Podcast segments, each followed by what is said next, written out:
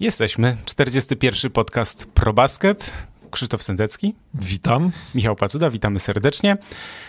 Najważniejsze, co będziemy dzisiaj mówić, to zapowiedź play-in, bo to już dziś w nocy pierwsze mecze. Też zapowiemy sobie te pary, które playoffów e, znamy. Powiemy też o kilku różnych ciekawostkach. Przypominamy, że jesteśmy w Blaszak Studio w Starych Babicach pod Warszawą, gdzie też można, tak jak my, nagrywać albo podcast, albo też można i nagrywać piosenkę, bo to jest specjalna dziupelka, gdzie można też dźwięki różne z siebie wydać i to może nawet ładnie brzmieć.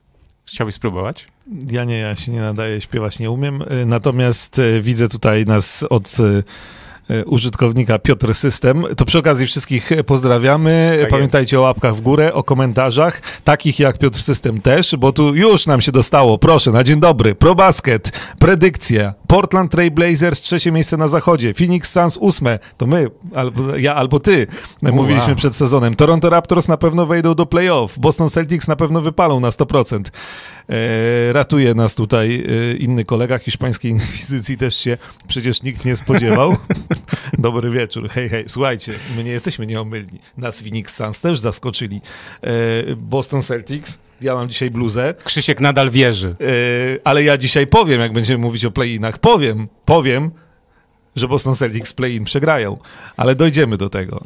Um, Knicksów, bluzę mam oczywiście, dzisiaj za dwa tygodnie ubierę, o, bo za dwa Tak, tygodnie bo spotykamy podcast. się za dwa tygodnie, bo teraz spotkaliśmy się tydzień po tygodniu.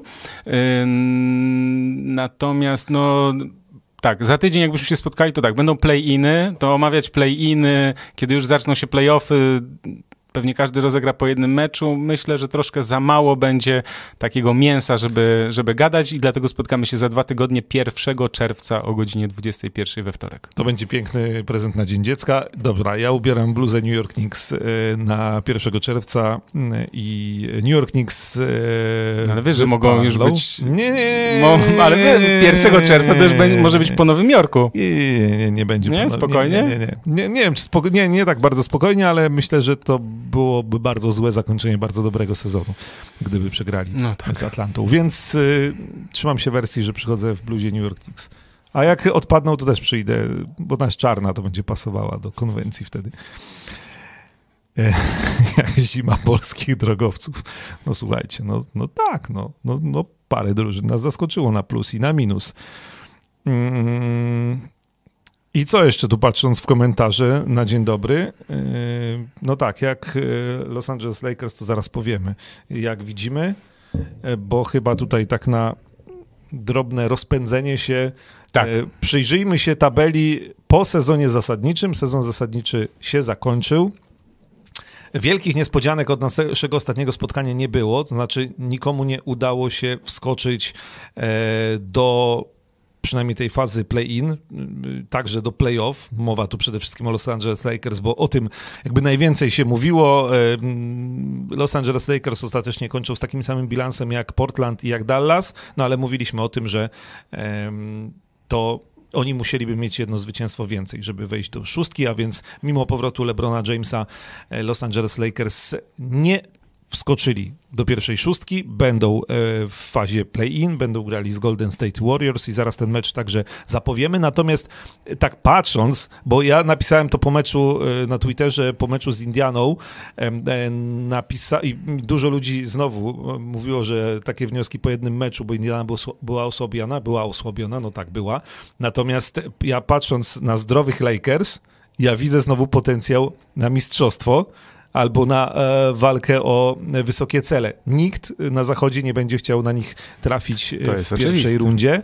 E, I Los Angeles Lakers, wiesz, jak to się ładnie mówi, nie lekceważ e, serca mistrza, e, nie Oczywiście lekceważ mogą być- Lebrona. Mogą być pierwszą drużyną w historii, która zdobędzie mistrzostwo z siódmego miejsca nawet, albo ósmego nawet. Tak, więc, e, więc ja bym Los Angeles Lakers na razie nie skreślał. Pięć zwycięstw na koniec sezonu zasadniczego po powrocie Lebrona, chociaż zła informacja jest taka, że znowu tam z tą kostką, no tak chyba do końca już tego sezonu, jak nie do końca jego kariery, będziemy co chwilę dostawać informacje, informację, że go tam boli i musi zejść z parkietu i musi znowu poddać się jakimś e, zabiegom i to będą, miejmy nadzieję, bo jednak chcemy, żeby LeBron był zdrowy, miejmy nadzieję, że e, to będą tylko e, niewielkie urazy, które nie będą rzutowały na grę.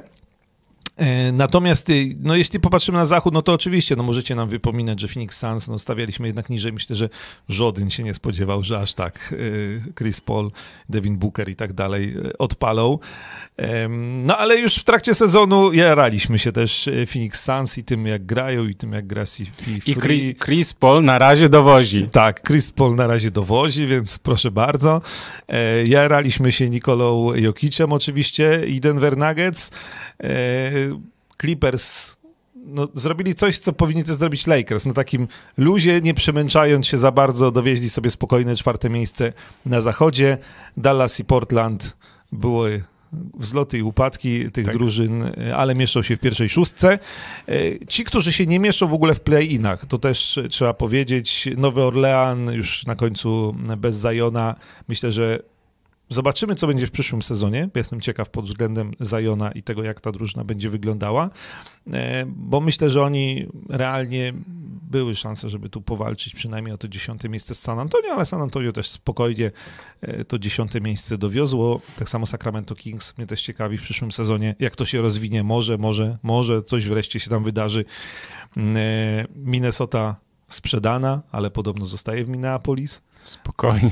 Więc ten i pewnie, ale trzecie miejsce od końca. Proszę bardzo, tutaj tu, tak. Słuchaj, pewne rzeczy są, pewne rzeczy są trwałe, stałe i pewne no rzeczy tak. nigdy się nie zmieniają. Oklahoma, wiadomo, zbieracze pików w drafcie w tym sezonie i Houston na ostatnim miejscu, czyli najwięksi przegrani transferu Jamesa Hardena. To, to ci najwięksi przegrani, bo o tych wygranych to zaraz będziemy mówić więcej, zapowiadając play-iny i play-offy. Nie wiem, czy to jeszcze coś ciekawego o zachodzie, takich, z takich rzeczy ogólnych można dodać. E, oczywiście gratulujemy Utah Jazz, pierwszego miejsca na zachodzie. Oczywiście, po raz setny powtórzę, nie wierzę, że oni będą mistrzem NBA, ale słuchaj, i tak samo jak nie wierzę, że Utah Phoenix będzie finał konferencji zachodniej, czyli to się raczej nie wydarzy. Dwóch najlepszych drużyn. E, ja wrzucam na czat, tak jakby ktoś chciał sobie prześledzić to, kto z kim gra. No taki opis zrobiłem tuż po niedzielnych meczach kto z kim, w jakiej parze, dlaczego, y, kiedy i tak dalej, i tak dalej. Dużo takich faktów, daty, mm, zasady play-in, także, także to wszystko jest tutaj w tym jednym newsie. Jeśli ktoś chciałby sobie tak zerknąć i na przykład czegoś nie jest pewien z tych y, drabinek, strzałek y, i tak dalej na, na NBA.com czy na ESPN, to na ProBaskecie jest taki news, gdzie to wszystko jest, myślę, że w miarę jasno wyjaśnione. Tak, y, to jak ten sezon wyglądał z perspektywy fana New York Knicks i Phoenix Suns w kontekście poprzedniego sezonu to jest odjazd, ja się zgadzam, a też tak jak tutaj y, zostaliśmy przywołani do tablicy, że się mylimy, to nie tylko my, to jak popatrzeć na nie wiem, ESPN, czy w ogóle generalnie zapowiedzi przed tym sezonem, to mm, gratuluję tym, którzy widzieli New York Knicks na czwartym miejscu na wschodzie, a Phoenix Suns na drugim na zachodzie, bo, bo naprawdę wydawało się to niemożliwe. Natomiast e, ja dobrze pamiętam, że Filadelfię widziałem wysoko, chociaż bałem się postawić na pierwszym miejscu. Filadelfia jest po sezonie zasadniczym na pierwszym miejscu. Ważne jest też to, że będzie miała przewagę parkietu w finale, bo nie będzie tam ani Utah, ani Phoenix, prawda? Nie, nawet jakby byli, to by i tak mieli... Yy, nie, bo... Nie, a przepraszam, bo tak, nie, tak, tak. Nie, nie, dobrze, dobrze, dobrze. Tak, 40, tak, tak, tak, ma, tak. Tak, ale ma więcej zwycięstw niż już Denver Nuggets i reszta drużyn. Y, Brooklyn Nets internety obiegła słynna akcja e, biegana, kont kontratak. No ale to podanie Blake'a Griffina najlepsze. No, no. Podanie Blake'a Griffina, później elegancko asysta o deseczkę e, i slam dunk Kevina Duranta, więc nawet moi znajomi, którzy nie interesują się koszykówką, ej, widziałem tu akcję, widziałem tę akcję, no to e, tak się... Wiesz co, ja właśnie na mnie ona też czegoś wielkiego wrażenia nie zrobiła, bo to po prostu, przepraszam bardzo, bez obrońcy w kosz. No, ale wiesz, tak, tak się... To podanie tak było się, super, tak to podanie było super Blake'a Griffina, bo wiesz, bo on tak z, nawet jej nie złapał, tylko to było od razu takie jeden ruch, jeden ruchem i za plecami, naprawdę, naprawdę fajne. Jeśli ktoś nie widział, to ja już spokojnie wrzucam tutaj specjalny link to wrzuca i tak się e, kupuje kibiców e, w erze TikToka, właśnie takimi zagraniami, takimi akcjami e, wrzucanymi na social media. Tak wygląda NBA, proszę bardzo. No, Najlepsza słuchaj. reklama. O Milwaukee Bucks dużo mówiliśmy, że Janis skoncentrowany na playoffach, na tym, żeby wreszcie coś wygrać, więc nie zależało mu na pierwszym miejscu. New York Knicks, no to jest oczywiście informacja, z której ja się bardzo cieszę. E, już siedzę w bluzie Boston Celtics, ale wiecie, ja jestem obiektywny, więc... E, ale ja jestem obiektywny, ale New York Knicks, znaczy w ogóle mocni New York Knicks to jest dobra informacja dla NBA. No po prostu takie to jest drużyny, bardzo dobra wiadomość dla... Takie tak. drużyny tak. powinny walczyć o coś z, z całym szacunkiem e, dla kogo teraz wymienić, Minnesota czy Sacramento, no, czy kogoś takiego, e, to naprawdę New York Knicks to jest drużyna, która zasługuje na wielką, na wielką drużynę, bo to jest wielka historia, wielki klub i tak dalej, i tak dalej. Przede wszystkim stolica show biznesu na wschodzie, tak? Tak. Wielkiego biznesu i tak dalej, więc wiadomo, że Nowy Jork, y, tam gdzie są też duże media, to, to wiadomo też jest na plus dla, dla całej NBA. I tam Madison Square Garden e, naprawdę coraz rzadszy obraz w ogóle na całym świecie, hala sportowa wciśnięta w ścisłe centrum e, Ale w Los Angeles też miasta. tak jest, chociaż w Los, tak. Los Angeles za bardzo nie ma centrum. E, tak, no. E, aczkolwiek no Madison Square Garden jest, jest po prostu klasykiem, jest epicka, jest, jest też mega stara, tak, ileś tam razy przebudowywana, ale cały czas stoi w tym samym miejscu i po prostu nie trzeba nigdzie wyjeżdżać, można na piechotkę, jak ktoś mieszka w centrum, chyba, że ktoś mieszka na Long Island, no to, no to wtedy trzeba trochę dojechać albo e, gdzieś tam jeszcze e, dalej. W każdym razie New York Knicks. Tak? Derrick Rose. Aha, powalczymy o coś więcej i zobaczymy. Z największych przegranych Boston Celtics. Boston Celtics. No jednak e, powtórzymy po raz kolejny, że Eden Ainge ostatnimi czasy przekombinował. Przekombinowywał, tak? To jest ładne polskie słowo, kombinować. To on przekombinował. E, podobno Ciężko to na angielski wytłumaczyć Amerykanom e, słowo kombinować polskie. No to tak jak, to tak jak y, amerykańskie give a credit, tak? Dajmy im kredyt. Ale to jest takie, wiesz, to kombinować z dobrym podtekstem, że e, takie no to takie polskie. Więc ustalmy, że po polsku przekombinował. Mm, e, I, bo, I teraz doszła jeszcze pod koniec, prawda, ta kontuzja Juliana Browna, więc Boston Celtics nie wyglądają dobrze, natomiast wciąż mają Jasona Tatuma i e, i tego się na razie trzymamy, na początku przynajmniej w play-inach. Mm. Washington Wizards. O, to, to, wie, tak, to znaczy będziemy, zacznij, będziemy, zacznijmy będziemy może... Tak, to ty, ja nie, szybko, poczekaj, zacznijmy nie? od tego, co się wydarzyło w ostatnich dniach, mm. bo i wtedy tak łatwo też przejdziemy do play-inów, bo ten ostatni dzień to było 15 meczów, czyli wszystkie 30 drużyn e, Grały. grało i e, bardzo ciekawy był pojedynek e, Golden State Warriors, Memphis Grizzlies, ale do tego dojdziemy później, jak dojdziemy do zachodu, bo myślę, że powinniśmy zacząć od wschodu. Dla mnie bardzo ciekawym pojedynkiem był chyba sobotni Hornets yy, Knicks i A, Hornets to, ja, ja nie przegrali. oglądałem. Pisałeś, że oglądałeś pisałem, że oglądałem i powiem ci szczerze, że żadna z tych drużyn, bo oglądałem czwartą kwartę, żadna z tych drużyn nie powinna wygrać tego meczu. E, Knicks mieli znaczy inaczej, mieli dużo szczęścia, natomiast e, to, co trzeba podkreślić, to e, Charlotte Hornets przegrali pięć ostatnich meczów. Oni jeszcze chwilę wcześniej zajmowali ósme miejsce, no i z tej, z tej rywalizacji 7-8 grali bezpośredni najważniejszy mecz o to ósme miejsce, grali z Washington Wizards w niedzielę. I powiem tak, oglądałem i w trzeciej kwarcie miałem taki moment zawahania. I mówię tak, wyłączę to, bo się tego nie da oglądać. Wiesz, znaczy Charlotte Hornets, no nie jestem fanem, Lamelo Ball nie jest moim ulubionym Ale zawodnikiem. wygląda gorzej po, po powrocie. Dużo, Znaczy, znaczy bardzo, no. dużo, dużo, dużo No, bardziej. Widać, że tak. po prostu, ale wiesz to, to, bo to też jest tak, że rywale też się nauczyli pewnych rzeczy, już wiedzą jak się ustawiać, jak go kryć, w którym momencie i tak dalej, więc on wypada dużo, dużo gorzej niż na początku sezonu. Bradley Bill nie trafił chyba, nie wiem, tam pierwszych kilku rzutów co najmniej, w ogóle nie zdobywał punktów przez dłuższy czas. On ma problemy z kontuzją. Niestety to jest to, to się tam ścięgno pod udowę, chyba coś takiego. No czasem z tego się wraca kilka tygodni, jak nie miesięcy. On próbował, pod koniec zagrał dobrze, bardzo dobrze w pewnych momentach. Natomiast w trzeciej kwarcie mówię tak, nie, tu się nic nie wydarzy, bo Charlotte prowadzili przez większość spotkania i mówię tak, nie, no to tu się już nie wydarzy. I mówię tak, nie, chwileczkę. Russell Westbrook. Russell Westbrook to załatwi. I słuchaj, nie wyłączyłem i nie żałowałem. nie, słuchajcie, to co zrobił Russell Westbrook, e, to jest to, o czym ja trochę przed sezonem mówiłem, oto był ten nasz zakład z tymi pompkami i tak dalej, bo ja powiedziałem, że jak nie będą, nie pamiętam teraz czy w playoffach, czy w playinach, ale... Ale... Trzymajmy się w wersji, że w play-inach to już, to już- spokój. No, to całe szczęście. Yy, to jest niemożliwe, żeby Russell Westbrook nie wprowadził drużyny na słabszym wschodzie, jednak mimo wszystko yy, do właśnie do przynajmniej pierwszej dziesiątki. Wizards mieli ogromne problemy w trakcie sezonu. Tam chyba z, przez dwa tygodnie w ogóle nie trenowali. Yy, mieli przełożonych chyba tam, nie wiem, siedem spotkań. Więc ten terminarz mieli bardzo, bardzo, bardzo trudny.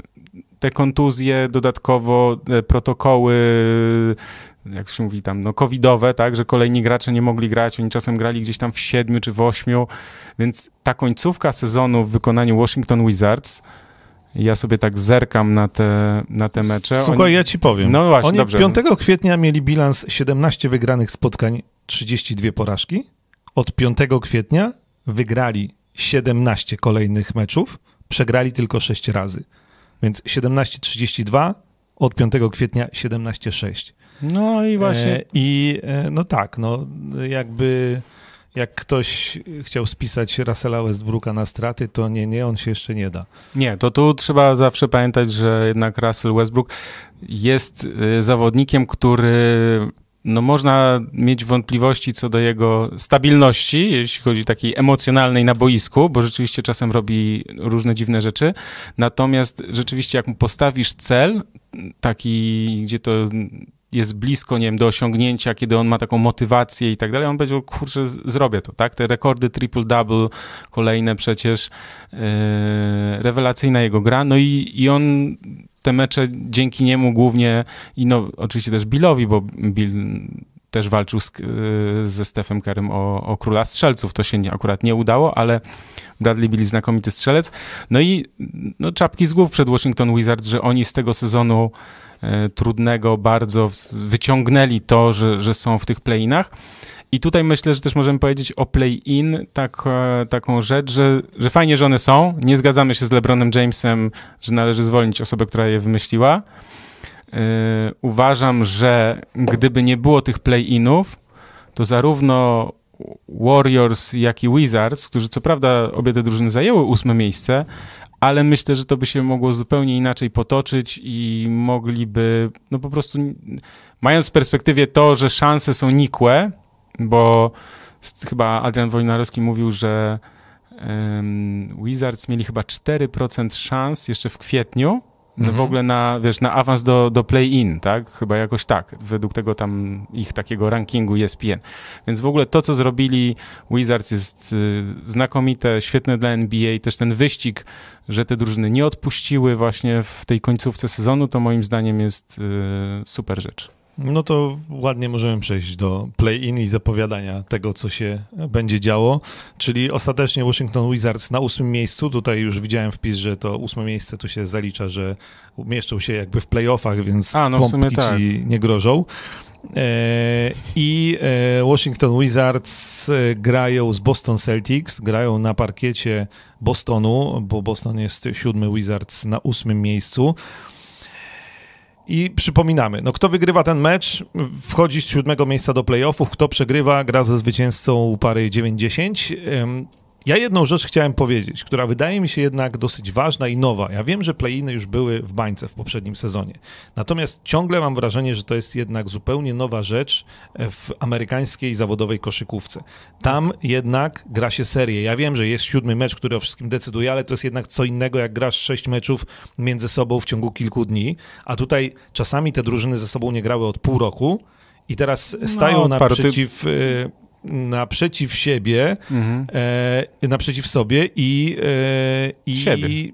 może i siebie i e, jedno spotkanie, 48 minut decyduje o tym, kto gra w playoffach, a kto jedzie na ryby. Więc to jest ważne zastrzeżenie, bo różne rzeczy mogą się tutaj dziać. Czasami naprawdę wystarczy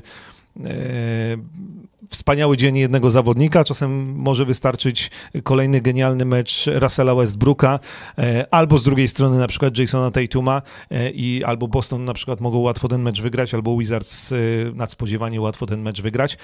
I dlatego fajne jest to, znaczy ktoś to rzeczywiście dobrze pomyślał, że jest mecz 7-8 i przegrany ma tą drugą szansę jeszcze, bo wyobraźcie sobie, że gdyby było 7-10 i 8-9, to wtedy yy, jak przegrałeś ten mecz pierwszy, czyli 7-10 na przykład, to, to, to odpadasz, tak?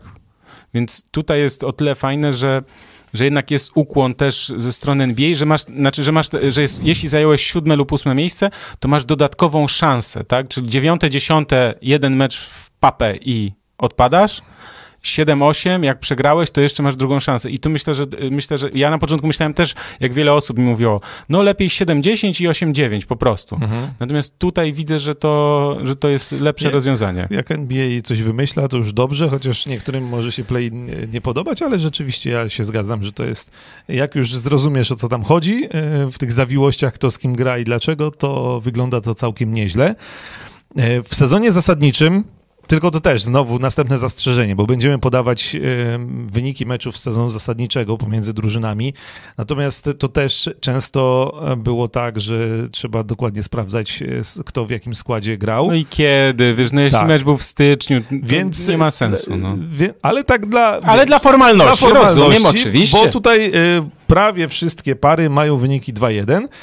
Y, tutaj jest dwa zwycięstwa Boston Celtics, jedno zwycięstwo Washington Wizards. Y, 2-1 dla, dla Celtics, natomiast jedno z tych spotkań rozstrzygnęło się wynikiem 111-110, więc generalnie możemy powiedzieć, że to była wyrównana rywalizacja.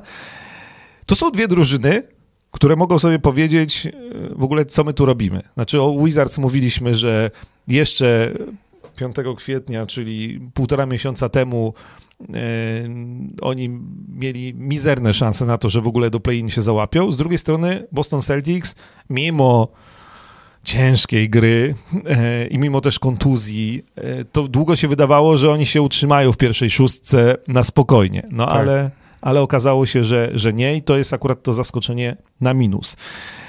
Jak to spotkanie się może potoczyć? A, atut własnego parkietu po stronie Bostonu to tak, brak Jalena Browna to jednak spory minus. Też ta forma mm, e, Boston Celtics ostatnio, no generalnie my narzekamy na Boston Celtics e, w ostatnich miesiącach, już bym powiedział, bez Browna jest jeszcze gorzej. Dużo indywidualnego grania. Oczywiście może być tak, że Jason Tatum rzuci 50 punktów, albo Kemba Walker im wygra ten mecz. Natomiast, yy, natomiast równie dobrze, no tutaj będą, tak jak w tym klipie, który się też pojawił, yy, to Bleacher Report chyba wrzucił, tak? Jest, yy, zrobiony pod yy, Mortal Kombat. Tak, tak, tak, tak, tak. Dodałem Więc- dzisiaj na Twitterze. Tak, więc... Aż, więc przepraszam, bo ja taka dygresja, bo aż sprawdziłem, bo mówię, kurczę, Mortal Kombat to jest taka gra, którą ja pamiętam, którą się grało, wiesz, no jak byliśmy w podstawówce, tak, czyli gdzieś na początku lat 90. A teraz się okazało, że film jest w ogóle teraz w tym roku tak, wyszedł. jest nowy, ale podobno tak. No nie wiem, Powiem- słuchaj. Marcin Gortat poleca, mówi, że efekty specjalne są świetne, więc może dla efektów to- specjalnych warto Myślę, sprawdzić. że na nostalgii właśnie 40-latków, takich jak my, którzy gdzieś tam na PlayStation 1 albo jeszcze na automatach tłukli w Mortala. Mortal Kombat to, to się grało na tym, na PC-cie. No. No jak na Pe- PC. Pentium 90, słuchaj. Gdzie? Panie, PlayStation. Ja jestem człowiek, wiesz, kon- konsole. PlayStation 1, Sega Mega Drive to jeszcze nie było Mortala chyba, ale ten.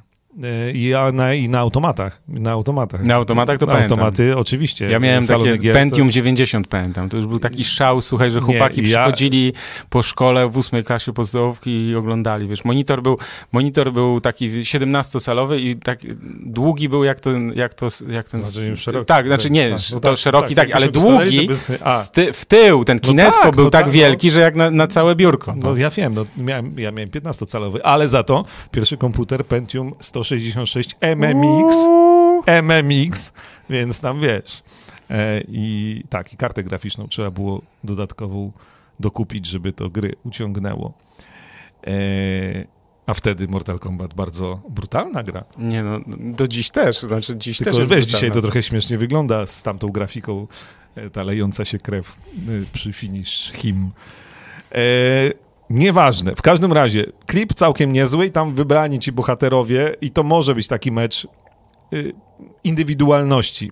Na pewno. I zawsze jak jest Russell Westbrook, to jest mecz indywidualny. Tak, i, i to jak gra Boston i to jak grają Washington Wizards, to jest mecz indywidualności. Jeśli mielibyśmy powiedzieć, kto jest na fali, no to Washington Wizards są w tej chwili e, na fali. Tam jest jeszcze kilka fajnych innych historii, bo Bradley Bill i e, Jason Tatum e, to są bardzo dobrzy koledzy, to są znajomi, to są w ogóle dwa, dwa, dwaj chłopcy, tak mogę powiedzieć, młodzieńcy z St. Louis, chodzili do tej samej szkoły, oni, oni są przyjaciółmi, no to, bo, to tak, to po prostu są, są przyjaciółmi, no pewnie wpływu na grę to nie będzie miało wielkiego, ale zawsze o tym warto, e, warto wspomnieć. E, I mm, to pytanie, czy Boston Celtics, bo ja się zastanawiam, czy dla nich, bo, bo powiedzmy tak, ja uważam, że Washington Wizards ten mecz wygrają Mhm. i Washington Wizards wejdą do playoff i Boston Celtics odpadną e, i e, może im się, moim zdaniem, przydać taki zimny prysznic. To jest drużyna, która w ostatnich czterech latach trzy razy była w konferencji, e, w finale konferencji wschodniej i e, ani razu tego finału nie wygrała, a powinno się to wydarzyć, bo ja byłem przekonany, że się w tamtym sezonie wydarzy. E, Więc nie wiem, może tam jednak trzeba coś pozmieniać, bo na papierze teoretycznie masz dobrych koszykarzy, natomiast gdzieś to jako drużyna to. Ja ci powiem tak, moje, moja teoria jest taka, że Celtics już tak, Jalen Brown wypadł ten cały sezon, mówiliśmy o tym, po prostu no tragedia, nic nie wyszło, zmieńmy to. Kończmy, jak to, jak to mówią, kończmy flaszkę i do domu. I słuchaj, taki psikus się stał, że jeszcze, że jeszcze im każą w tych play-inach grać, więc oni już tam po prostu mówią, o Jezus Maria, jeszcze musimy to dograć. No tak, znaczy ja sobie tak żartuję trochę, ale takie mam wrażenie, że że tam w tych głowach zawodników Celtics, no w tym klubie atmosfera, słuchaj, atmo tam widać, widać na parkiecie, widać, że tam nie ma chemii dobrej między zawodnikami, z trenerem też jest, y, no nie najlepiej, wiesz, jak nie idzie, to wiadomo, że są kwasy w drużynie, tak? Natomiast ja mam taką y, ciekawostkę, po pierwsze, jeśli chcecie, jeśli jesteście zainteresowani y, zakładami bukmacherskimi, to na stronie eWinner ja zaraz wrzucam link i na przykład warto sobie zerknąć, że Boston Celtics są faworytami tego meczu. Obecnie kurs 1,83, a 2,20 na No Wizards. My tu podpowiadamy, jakby tam ktoś szukał tych, to. Szukał niespodzianek, zawsze to warto szukać niespodzianek. To, tak, to Wizards. I jeszcze co, takie coś ciekawe, co znalazłem. Mhm. Ym, bo w zaawansowanych statystykach, jak można sobie tak zerknąć na ESPN-ie, to Bradley Bill w trzech meczach zagrał przeciwko Celtics i teraz uważaj, średnia 40,7 z trzech meczów. To nie był jeden mecz. Skuteczność z gry 55%, do tego prawie 6 Słuchaj, zbiórek, 3 asysty, Teoretycznie to wygląda łatwo. Trzeba zatrzymać Bradley'a, Billa i Russella Westbrooka. Ale poczekaj, a Russell Westbrook, bo on się Aha. zakończył sezon ze średnią triple-double. I teraz przeciwko Bostonowi w trzech meczach, uważaj, 16 punktów średnio, 8 zbiórek, 7,7 asysty, skuteczność z gry 35% Elegancko. Mhm. i 67 z wolnych. Więc Ra- Russell, Celtics jakoś nie, nie leżeli, y, mówiąc najogólniej, y, Westbrookowi. Westbrookowi, ale to też... y, Tutaj e, ciężko jest wyciągać wnioski. e, Tak, ale to są takie, cieka- to są takie Tak, faj- tak, cie- tak, fajne tak. ciekawostki, kto jak komu i tak dalej, i tak dalej. Tak, wiadomo, że nie można, znaczy, że warto w, ty, w przypadku obu drużyn patrzeć na, ostatnich dwa, trzy, na ostatnie 2-3 tygodnie, zwłaszcza jeśli to jest jeden mecz. Wizards są na fali, wygrali naprawdę trudny mecz z Hornets, gdzie już przegrywali. Słuchaj, Hornets trafili chyba z 7 trójek w pierwszej kwarcie. Wygrywali już kilkunastoma punktami, po czym tę przewagę stracili, a tam Robin Lopez jak takimi haczkami tam porzucał sobie ciężki taki on jest i w ogóle, ale proszę. Ish Smith też e, z ławki dobrze zagrał, także słuchaj, tam w tym Washington Wizards naprawdę nie ma kto grać. Wiesz, Nie, tam no jest Bill i no. Westbrook, oni są samotni. Bertans tam taki trochę kreowany jest na Mm. strzelca, ale naprawdę ten skład jest słaby. I Jeszcze trzeba przypomnieć jedną rzecz, słuchaj, bo to też o tym zapominamy w ogóle. Znaczy ja zapomniałem, ale tam w tej drużynie był Thomas Bryant, tylko że on rozwalił kolano. To był zawodnik podkoszowy, co się wydawało, że on tam może powalczyć z tymi graczami, z rywalami i tak dalej. Natomiast oni bez niego, no to wiesz, tam potem próbowali to jakoś tam łatać. Udało się lepiej lub gorzej, no więc naprawdę Wizards szacunek za to, że są tam, gdzie są. Są na fali wznoszącej e, i Boston Celtics albo udowodnią, że się do czegoś w tym sezonie nadają, albo lepiej już niech kończą ten sezon, więc ja postawię nieśmiało na Washington Wizards. Ja też. Ja też uważam, że Washington Wizards, że oni będą chcieli bardzo wygrać, natomiast Celtics oczywiście będą mówić, że chcą, natomiast mam poczucie, że oni ten sezon spisują już na straty. Ale możemy, E, się, tak. ale możemy się jutro rano zaskoczyć. Ale tu dyskusja dalej o komputerach, e, że 386 to nie Pentium, więc dalej sobie ściemnianie. No 386 to nie było Pentium. Pentium zaczynało się od Pentium 90. 60 chyba było jeszcze. A? Było 386, 486 to jeszcze nie były Pentium. Ja pamiętam Pentium 90 najsłabsze. Ale Okej. mogę się mylić. Y, Ja na pewno miałem 166 MMX i na bank. I macie rację, że chyba na se, se, se, Sedze, Sega był ten, był y, Mortal Kombat, chociaż na PlayStation 1 wydaje Tu mi się, ktoś pisał, y, Jimek pisał, że, że na Sedze albo na Pentium. No na PC tak na pewno Na był. PC tylko tak było Na Sedze, no chyba tak. Pamiętam, no, że na układ Sedze klawi- tak. klawiszy był tam jakiś tutaj, coś tam. Nie, tam za dużo Kupowałeś jakieś kombinacji, gazety, słuchaj, o tym, o, o grach komputerowych, gdzie Secret były te, Service. Tak? No, Secret pamiętam. I Service tam były te była- kody, to- tak, były kody, No, jak zrobić tak. jakiś taki... Secret Service to tak jak Magic Basketball w tamtych czasach, no to wiesz, y, kultowa gazeta, Tak, my nieistniejąca. wszystkich, którzy tutaj dołączają do nas, bo cieszymy się, że dołączyliście, e, pozdrawiamy, witamy i przypominamy łapki w górę, prosimy, żeby tutaj nam wrzucać, klikać i też, żeby nas tam YouTube lubił jeszcze bardziej niż nas lubi.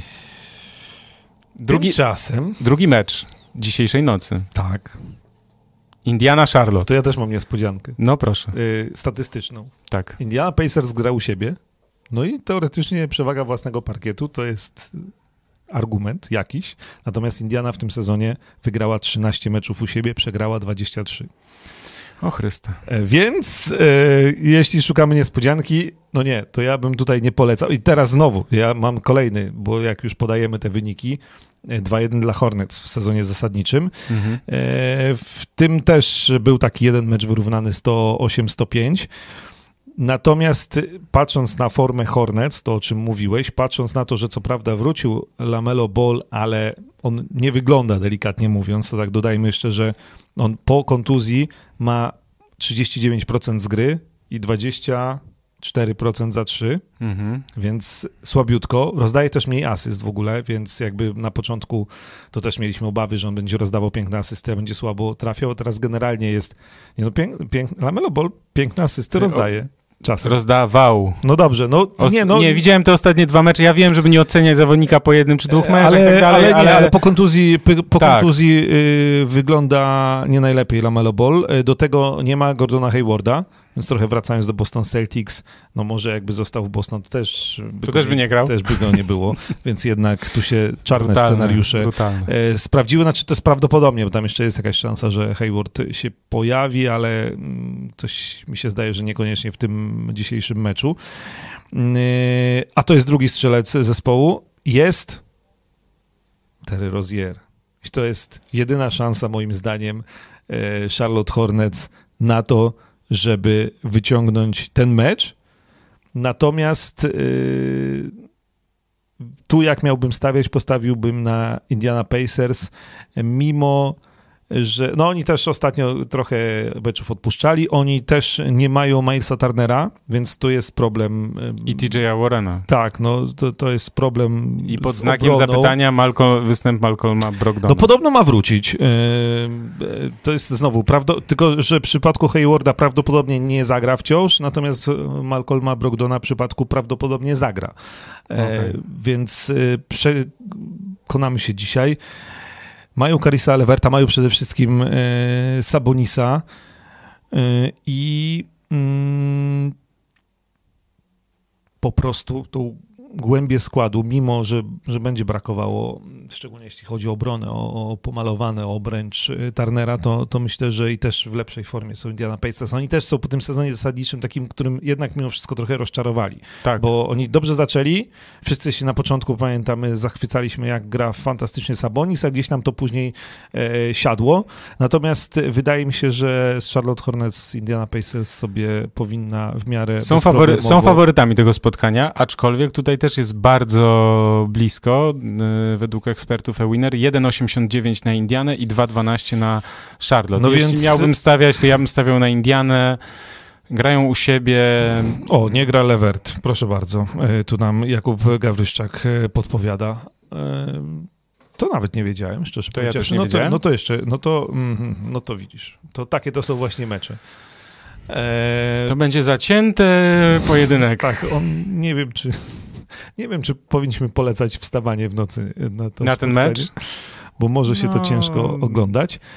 Mm, natomiast. Ale na Boston, Waszyngton warto. Na Boston, Waszyngton moim zdaniem też warto. Pacers, Hornets trochę gorzej, ale po kursach Ewinera chociażby widać też, jak to są nieprzewidywalne spotkania. Nieprzewidywalne mecze, ale też jest to, że jednak wiadomo, że gospodarz ma zawsze ten kurs to, znaczy większe jakby szanse się daje gospodarzowi, no, czyli... Też dlatego, że jednak startuje z wyższej pozycji, trochę lepiej w sezonie zasadniczym, y, no już nie do końca właśnie patrząc na te bezpośrednie starcia, bo tutaj akurat Hornets lepsi 2 y, y, do 1. Tak, Indiana słaba na własnym boisku, to mówiliśmy, 13-23, ale dziękujemy za te wszystkie wskazówki.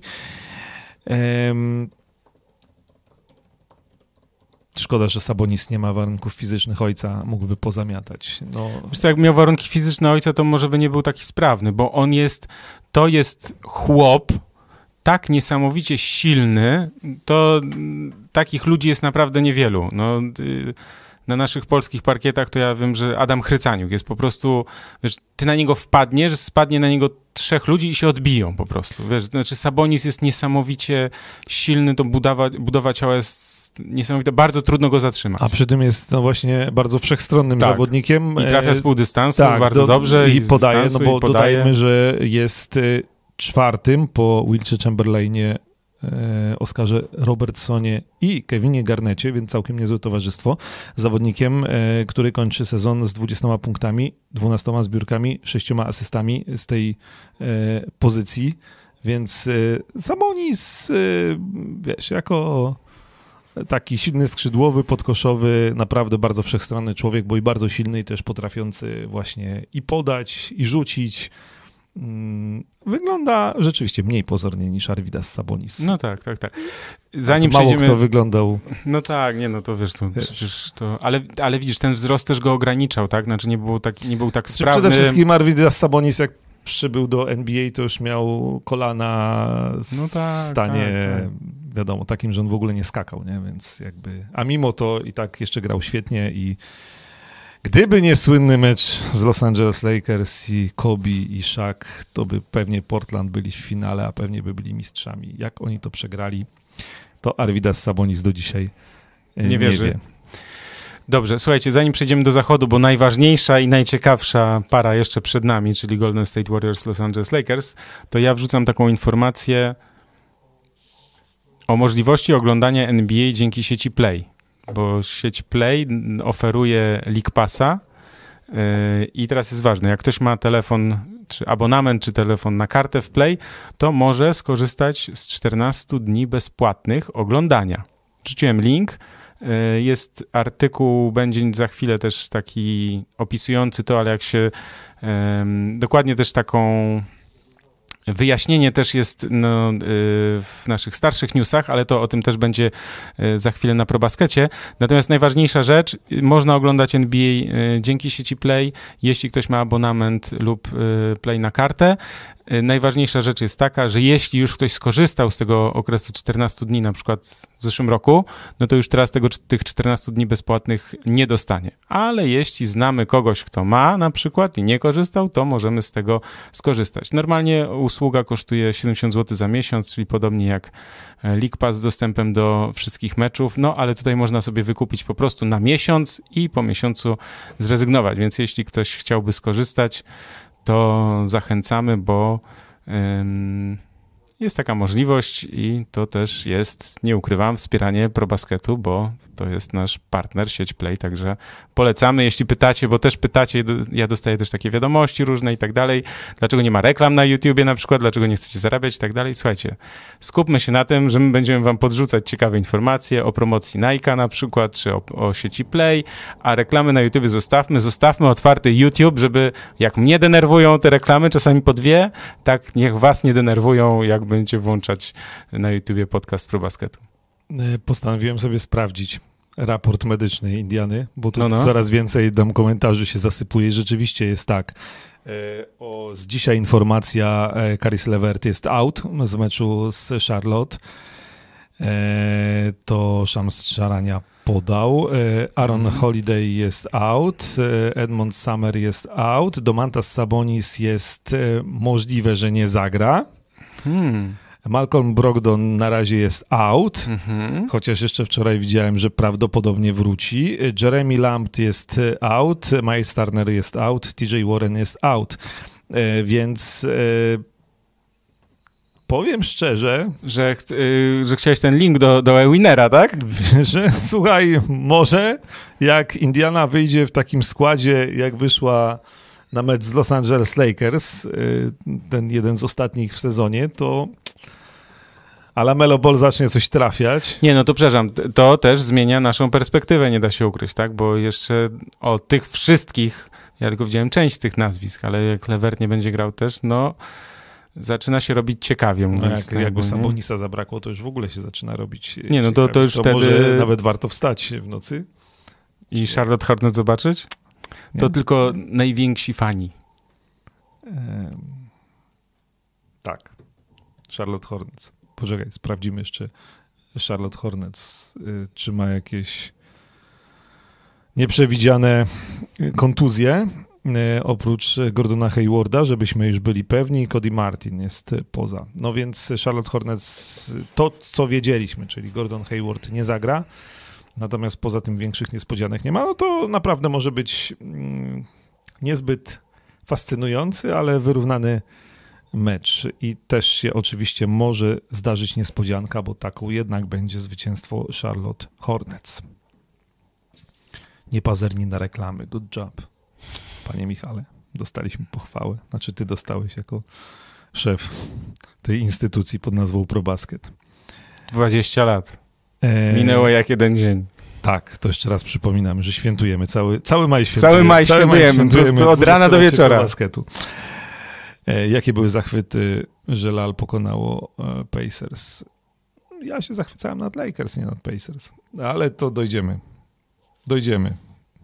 Bo idziemy na zachód. No, Czy tak. jeszcze coś powiemy? O wschodzie? Nie, już nic.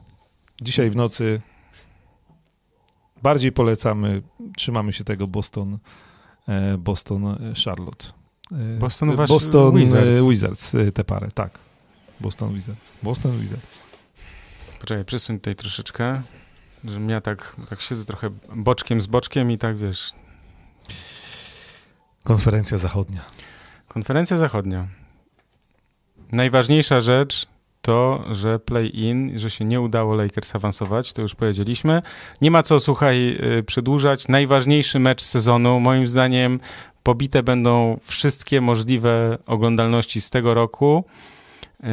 bo to przyciągnie w kibiców w Ameryce wszystkich niemal kibiców NBA, myślę. Co prawda jest niefortunna godzina, bo to jest dziesiąta wieczorem y, czasu nowojorskiego, więc wiesz, tam się chodzi do pracy czasem na szóstą i siódmą, więc może być niektórym ciężko, ale myślę, że na pewno bardzo dużo osób będzie oglądało. U nas to będzie mecz z środy na czwartek, to już, ja, ja, nie mówię, że w nocy, bo czwarta rano to już to jest, jest nad ranem, słuchaj, już no, świtać. Wstajesz rano, tak kawka jest. i ten. Czwarta rano, no tak, tak. Ale można zrobić taki numer. Ja zawsze robię taki numer, żeby, żeby wstać 4.30, trzeba hide score zrobić tam w ustawieniach tak. i włączasz sobie mecz od początku. Jak są przerwy, to sobie przewijasz. Ja tak na, czasami nawet robię, że w, w połowie. Wiesz, przy, mhm. tylko trzeba ukryć wynik, i... wcześniej, tylko dzień wcześniej trzeba ukryć wynik na aplikacji i potem sobie przewijasz na przykład i, i w czwartej kwarcie jesteś na żywo. Bo, bo tyle czasem trwają te wszystkie przerwy. Jest to dobry sposób. A m, mm, będzie się działo w tym meczu, no bo mamy dwie drużyny, które jeszcze niedawno biły się o mistrzostwo, spotykały się w finałach. E, LeBron James z jednej strony, Stephen Curry z drugiej strony. Dwóch gości urodzonych w tym samym mie miejscu. To jest też niesamowite, że to Akron, z którego oczywiście znany jest LeBron James ze stanu Ohio, ale w tym samym Akron urodził się przecież e, Steph Curry. To też jest e, taka... Naprawdę? Ja, wiesz, naprawdę, ja o tym nie wiedziałem. Naprawdę, naprawdę. Ale jak to, się, jak to jest możliwe? Nie, co nie... Del Curry, co Del Curry z żoną robili w Akron?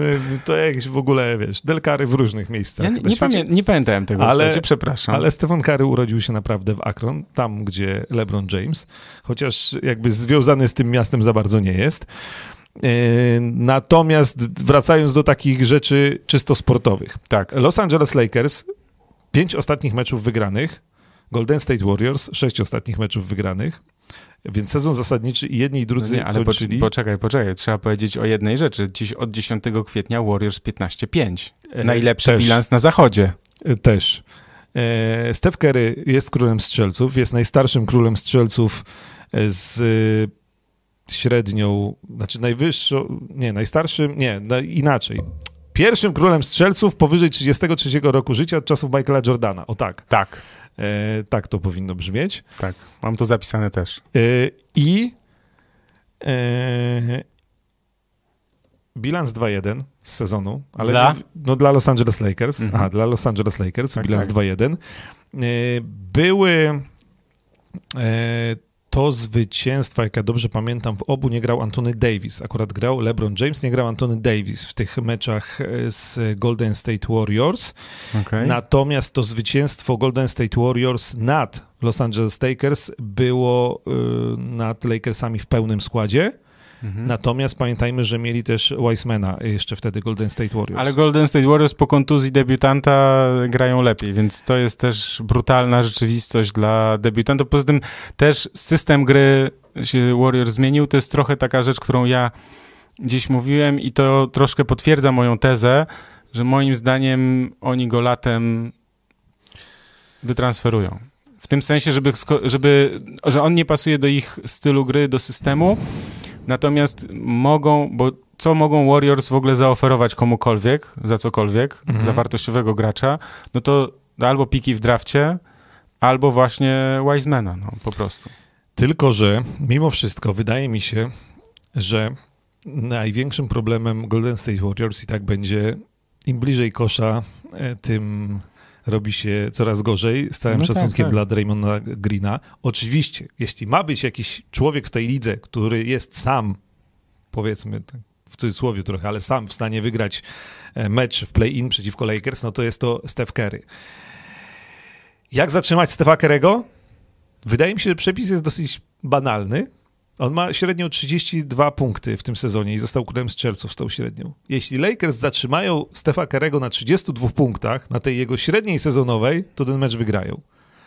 Jeśli Kerry rzuci więcej, w znaczeniu, nie wiem, 40, 50 punktów, będzie wszystko mm -hmm. trafiał, no to może się dla Lakers zrobić y, niebezpiecznie, coko cokolwiek by nie zrobili, szczególnie jeśli tam rzeczywiście Andrew Wiggins na przykład e, wspomoże w ataku oraz w obronie też trochę. Natomiast no, wydaje się, tak na chłodno myśląc, to tak wracając trochę do tych zachwytów e, po meczu z Indianą osłabioną, to nie chodziło o to, że oni wygrali z Indianą, tylko chodziło o to, że ta drużyna ciągle ma taki potencjał, ma taką ławkę, ma taką rotację, no że, no proszę cię, no, no jak zakładamy, że LeBron jest zdrowy, nawet z trochę bolącą kostką, jak Antony Davis jest zdrowy, Mhm. no to tam nawet e, Drummond dobrze wygląda pod koszem obok e, Antonego Davisa. Ale to Andrzej Drummond to i tak dobrze wygląda, wiesz, zawsze prawie, także to jest, ja jestem fanem akurat, bo uważam, że to wielki chłop, który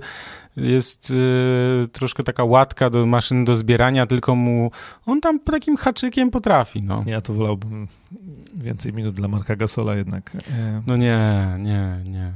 Nie, Margasol już nie no, funkcjonuje, nie to- funkcjonuje, nie funkcjonuje. Dobrze, to zobaczymy jeszcze. Znaczy to, ustalmy, ustalmy fakty. Jeśli będzie taki mecz pod tytułem siódmy mecz z kimś i Margasol akurat będzie w tym czasie na boisku i on gdzieś, nie wiem, poda tę piłkę w, dokładnie w tak zwany timing, czyli dokładnie w, i tak dalej. Tak, on może być bohaterem jakiegoś meczu playoff, natomiast no, on już fizycznie trochę odstaje, nie daje rady, wiesz, on rzuca z Ale dystansu. to on nie musi grać 40, 30 nawet minut. No rozumiem. Ale jego też bardzo, też zobaczymy, jak, bo jego bardzo często obrońcy zostawiają na tym dystansie. On se trafia z czystych pozycji. Albo nie trafia. Nie, no, trafia. E, Wiggins kluczowy. Mm, Tutaj podpowiedzi czytam. Może Tak, może tak być. Może tak oczywiście. być. Słuchaj, no kiedy, jeśli nie teraz? No tak. E, Andrew Wiggins może udowodnić, że jednak do czegoś się nadaje. E, Jak Thompson, oj, z tym Klejem Thompsonem, to słuchajcie, to jest dłuższa historia, jak wróci, to Nie, to, to, jest, to, jest, to jest opowieść na oddzielny w ogóle tak, ale odcinek. już, my już też trochę o tym rozmawiali, że to nie są proste rzeczy po dwóch latach. E, Delkery grał w Cleveland, Marcin Pankowski, no to już wszystko wiemy, czyli w Ohio, czyli w Akron Okej, się urodził. E, 87-88. No tak, no to ja powiedzmy, że pamiętam NBA od 92, a te lata wstecz jest To już jest e, tak. Mm, Dzień dobry, pierwszy raz udało mi się zdążyć na live'a. Pozdrawiam, wierzę w Boston, bo tylko została wiara. Coś w tym jest. No tak. Nadzieja umiera ostatnio. E, najlepszy zbierający w Golden State Warriors ma 7,1 zbiórki. Dobra, za chwilę, słuchaj, to ten, dokończmy... Ale bo ja tylko chciałem powiedzieć, No. że właśnie tak było mi przy tych zbiórkach, no ja się spodziewam, że akurat, znaczy wynik może się tak wydarzyć, że Golden State Warriors, nie bardzo w to wierzę, ale może się wydarzyć, że Golden State Warriors wygrają, natomiast jestem pewien, jeśli chcecie stawiać na takie mniejsze eventy, A, kto- że kto- w zbiórkach to Lakers tam gdzie wiesz, 60 do 30. Nie, znaczy kluczowe jest tak, słuchajcie, kluczowe jest to, że Steph Curry rozgrywa najlepszy sezon w karierze, nie ma e, Kleja Thompsona, nie ma Kevina Duranta, więc on nie musi się dzielić piłką, czyli może po prostu robić co chce i to, co robi w ostatnich meczach jest rewelacyjne i dlatego nie wygra MVP, ale zdobędzie sporo punktów w głosowaniu. Mówiliśmy o tym, że, on, e, że mieli Warriors bilans 15-5 w tych ostatnich e, 20 spotkaniach i w tych 20 spotkaniach średnia Stefa Karego to jest ponad chyba 37 punktów, więc e, całkiem sporo. Teraz pytanie jest takie, zasadnicze, jaką taktykę zastosować wobec e, Karego, kto go będzie krył, e, jak ograniczyć... Słucham? Alex Caruso. Alex Caruso albo KCP, albo Dennis Schroeder, no jest, trochę tam opcji jest.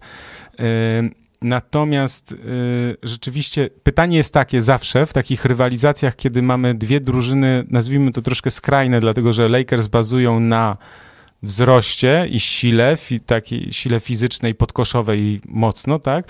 A Warriors bazują no, na obwodzie. I teraz jest pytanie takie, kto do kogo musi się dostosować?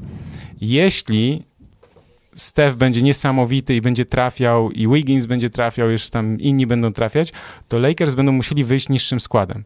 Natomiast jeśli mocny, od mocnego uderzenia Lakers zaczną, będą grali wysokim i Dramondem, i Davisem, tak, że Davis nie będzie grał na piątce, tylko na czwórce, i oni narzucą swój styl gry, no to wtedy z Warriors pewnie nic nie zostanie, tak? Chodzi mi o to, że pamiętamy też, pamiętasz taką sytuację, chyba w bańce była taka, taka sytuacja, że Lakers musieli się jednak dostosować do Houston Rockets, żeby ich po prostu szybko pogonić. Ale oni się dostosowali, obniżyli skład i, i tak wygrali. Więc jakby tutaj jest ta no, Tylko, taktyka. właśnie jeśli szukasz jakiejś drużyny, która jest w stanie się dostosować i wyjść ciągle e, składem, który może wygrywać mecze, Tak. to Lakers mają No tak, tak, na, tak. największe pole manewru. Sta- Mhm. Jeszcze jedna rzecz, którą Mhm. mam, że, s- y, bo ty powiedziałeś, że Lakers wygrali tam dwa, dwa mecze z trzech, okej. Steph Curry, średnia z tych trzech meczów, 23 punkty. Więc coś jednak ci Lakers mają takiego, że potrafią y, ograniczyć jego, nazwijmy to, możliwości. Ja sobie teraz zerknę. Ym, no tak, no 3 na 8,7, czyli prawie 3 na 9 za 3 w średnia, tak? Czyli też y, oddawał tych rzutów nie aż tak dużo, tak? Z dystansu. 17 rzutów oddawanych w ogóle z gry w, w meczu, kiedy on przeciwko takim ekipom, jak wiesz, nie wiem, Dallas 22 rzuty, tu przeciwko, nie wiem, Chicago 25, więc jakby, ale ta średnia punktów, czyli tylko 23, też pokazuje to, że jednak Lakers wiedzieli, jak bronić Stefa Karego. No, wydaje, wiesz, no, wydaje się to proste, łatwo się mówi, e, bo pod koszem będą mieli przewagę, więc po prostu rzucić na niego dobrego obrońcę i tak jak mówiłeś, no, czy, czy, czy to Caruso, czy Schruder e, Tak. będzie za nim ganiał i najwyżej Schruder trochę mniej punktów sobie zdobędzie, jak będzie na parkiecie. No tak, ta- tam Natomiast- jest też, um, no, będą grali, wiesz, jakieś przekazania, w sensie może nawet podwojenie, będą próbowali zamknąć Karego w jakichś sytuacjach. Natomiast mówiłeś też o, o Greenie, no bo on tam podkoszowy ma walczyć. No to w tych trzech meczach przeciwko Lakers Draymond Green średnia zbiórek 5 i średnia zbiórek w ataku 0,0. Więc, no nie, no na tablicach to wiadomo, że przegrają. Znaczy, to jedyne, co może uratować Golden State Warriors, to, To, jest, jest... szalony mecz Stefa. Tak, I wsparcie jeszcze kogoś. no, Andrew Wiggins. Tak, Andrew Wiggins. E, Wiesz, co mnie zaskoczyło? Bo to tylko liczby, ale jednak, że Golden State Warriors mają piątą najlepszą obronę, 109, według tego 109 punktów na 100 posiadań Mhm. I dopiero 20 atak. Kto? Golden State Warriors? Tak. Według tego, według no, tej, tej statystyki. Yy, natomiast Lakers i tak mają lepszą obronę i też yy, słabszy atak, no ale Lakers długo grali bez LeBrona Jamesa, bez Słuchajcie, to też Davisa. warto podkreślić, że LeBron James opuścił 26 z ostatnich 30 meczów. Więc to jest naprawdę dużo. Tak, i cały czas... A 72 mecze mieliśmy w sezonie. Tak, i cały czas boli go kostka. No i pewnie zagra, natomiast Zagra na pewno. Natomiast ja to się. Nie, no dobrze. Tutaj y, z tych na razie dotychczas omawianych przez nas meczów, jak miałbym gdzieś być najpewniejszy typu, to tutaj powiedziałbym, że Lakers. Jaki mamy typik na Winerze? A, już właśnie sprawdzam. No tak, poczekaj. Poczekaj. Los Angeles Lakers 1,59, czyli tutaj, No tutaj i 2,70 na Warriors. A więc tutaj... Można, jeszcze- można dużo wygrać, jak Steph dużo wygra. Kary. No tak. Można też y, spróbować dogrywki, 15 jest za każdy, w A każdym to meczu. zawsze w koszykóweczce jest dogryweczkę dobrze trafić, bo dobrze płatna. No ale to to, ale tu jest też taka teoria, bo ja miałem takiego kolegę, który tu lubił właśnie takie szachermacher, to mówił, że na przykład yy, liczył to, słuchaj, czy w jakimś meczu play-in będzie dogrywka? No, można sobie założyć, że będzie i wtedy można po prostu wytypować każdy mecz oddzielnie Dobra, z dogrywką. Nie, wchodźmy w to, nie wchodźmy bo, w to. Wiesz, bo zaraz tu... Głowa pęknie. Nie, nie, nie, nie, nie, wiesz, nie, nie, nie wchodźmy w to, bo To, ale to są zawsze takie ciekawostki, słuchaj. typowanie dogrywek w koszykówce to jest... Ja ostatnio komentowałem mecz z dwoma dogrywkami, ale to było w Bundeslidze koszykarzy. A płacą za minuty? czy za sztukę? No, za sztukę. Trochę posiedziałem. Em, Możemy się cofnąć troszkę do pytań. Yy, Wiecie co? A, ja w ogóle, nie, ja chciałem no, coś mhm. powiedzieć. Ja chciałem coś powiedzieć, bo ja y, często nam te pytania umykają, no bo gadamy, gadamy, nie możemy trochę, jak mamy gadać do sensu i się słyszeć, to trochę trudno nam też te pytania y, widzieć wszystkie. Natomiast ja sobie pomyślałem, że każdy podcast będziemy zaczynać od tego, że ja będę sprawdzał te pytania, które pominęliśmy. Tylko, że problem jest taki, że tego czata nie da się zapisać, to jest raz, a dwa, że y, jak na przykład od, odpaliłem jakby końc, ostatnią minutę i myślałem, że na przykład cofnę sobie i będę mógł przelecieć, ale to, to mi zachowało tylko kilka, tylko kilka tych ym, wiadomości. Więc... Yy... Wybaczcie nam, tak. czasami nie, nie, nie nadrabiamy. Natomiast mam jeden tutaj komentarz, do którego się musimy w tak zwanym przerywniku odnieść. Tak, tak. Lubi, jako starzy ludzie lubimy takie historie. Panowie, robicie świetną audycję, super się was słucha i ogląda. To Paweł Ro pisze. E, genialne towarzystwo do słuchania przy usypianiu dzieciaczków, młodych fanów NBA. Czyli usypiamy dzieci, no to no... Ciekaw jestem, czy moja córka by przy moim gadaniu usnęła, e, najmłodsza, e, bo starsze to już w ogóle ten. Skąd u was ta pasja na przestrzeni tylu lat? Ojej, to takie pytanie egzystencjalne trochę. Panie. Nie, no, nie, wiecie, ja siedzę dzisiaj w bluzie Boston Celtics po raz, który ja już to dzisiaj y, tłumaczę. W odniesieniu było do Knicks, teraz będzie w odniesieniu, ale jestem wyznawcą Michaela Jordana. Michał? No tak, ale to, poczekaj, bo ja mogę w skrócie, bo to też mi ludzie zadają czasem to pytanie, skąd to się wszystko wzięło i tak dalej, bo dla mnie najbardziej fascynujące jest to, że czasem się pojawiają ludzie, którzy na przykład, wiesz, mówią, o, ale fajna strona ten ProBasket. Ja mówię, 20 lat to jest 250 tysięcy unikalnych użytkowników no okej, okay, znaczy, że tak jak wiesz, czuję się trochę tak, znaczy zaskoczony, nie, nie że powinien, nie wiem, czytać, bo komuś może nie pasować, nie, nie musi czytać, mhm. ale przynajmniej, żeby wiedział, no, no ten, ale okej, okay, czyli mamy nadal potencjał, żeby dotrzeć do, do kolejnych osób. Ja mogę w skrócie swoją historię opowiedzieć taką, że ja zacząłem trenować kosza w wieku, nie pamiętam, 10 czy 11 lat y, w Polonii Warszawa, 12 y, może, to wtedy troszkę się później zaczynało, wcześniej grałem na boiskach i tak dalej, y, chodziłem do szkoły sportowej na Polonii, potem nawet zaliczyłem epizod w Ameryce, gdzieś tam w junior college'u i potem jakby moja, cała moja kariera życiowa, w sensie całe moje życie kręci się wokół koszykówki, nie tylko pro basketu, także, także cały czas y, basket, no, więc jakby ta, ta miłość y, miała swoje upadki i wzloty, ale, ale kwitnie cały czas. Cały, cały czas kwitnie. Nie, no, tak, tak, tak. Znaczy, no, myślę, że my jesteśmy w ogóle dziećmi hej, hej to NBA lat tak. 90., gdzie nie dało się, po prostu koszykówka była sportem numer dwa, czasami numer jeden e, w tym kraju. Wszyscy, e, no ja chwilę trenowałem też w Stali Stalowa Wola, wtedy była tam ekstraklasa, e, ówczesna pierwsza liga, Roman Prawica. Roman Prawica, oczywiście. oczywiście. Jerzy Szambelan, trener i, i naprawdę fajne mecze i oczywiście E, NBA, bo wszyscy oglądali na dwójce mecze NBA i, i było tak, że do szkoły brałeś piłkę i na przerwach... E, wszyscy albo, grali w albo, kosza, wszyscy tak. chodzili w butach do kosza.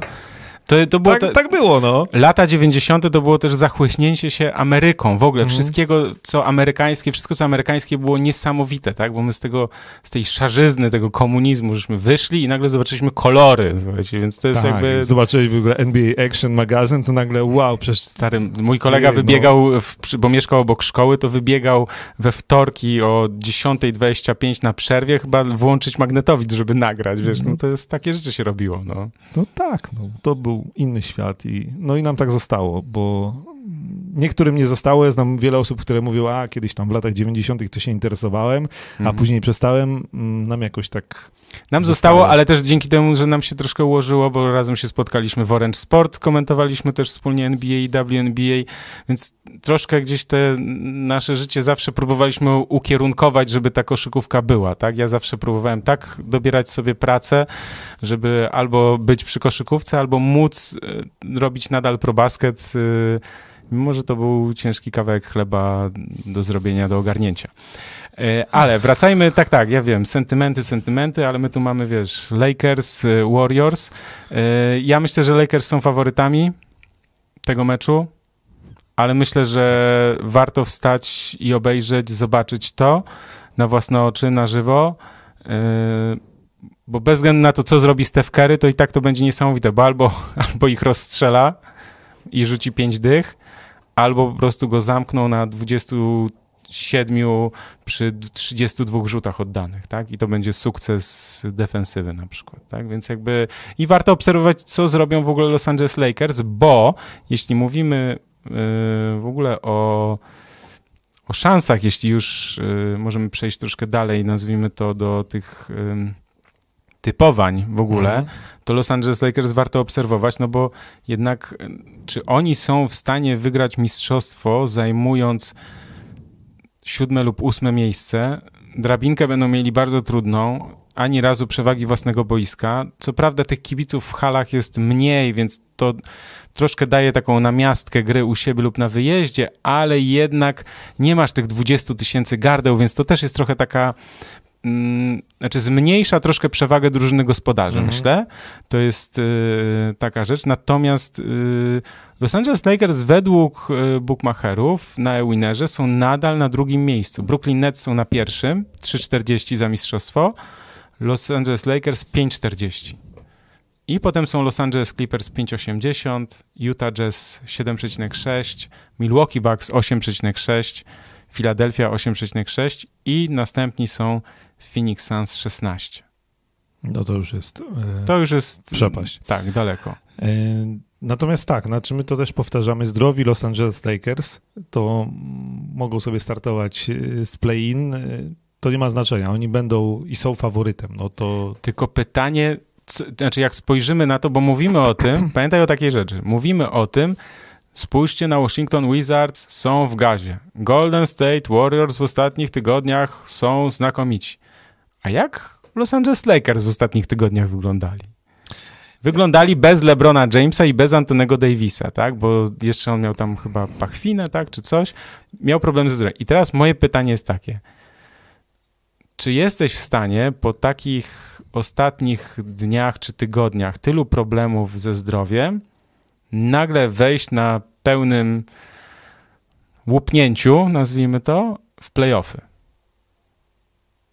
Mi się wydaje, że tak. Znaczy też nie mówmy, że wiesz, że oni gra, będą grali pierwszy mecz teraz, to LeBron już zdążył e, zagrać. Mi się wydaje, że, że oni wyglądają przyzwoicie. Znaczy, ja się e, szczerze powiedziawszy, Lebrona bardziej zardzewiałego e, spodziewałem po tym e, powrocie i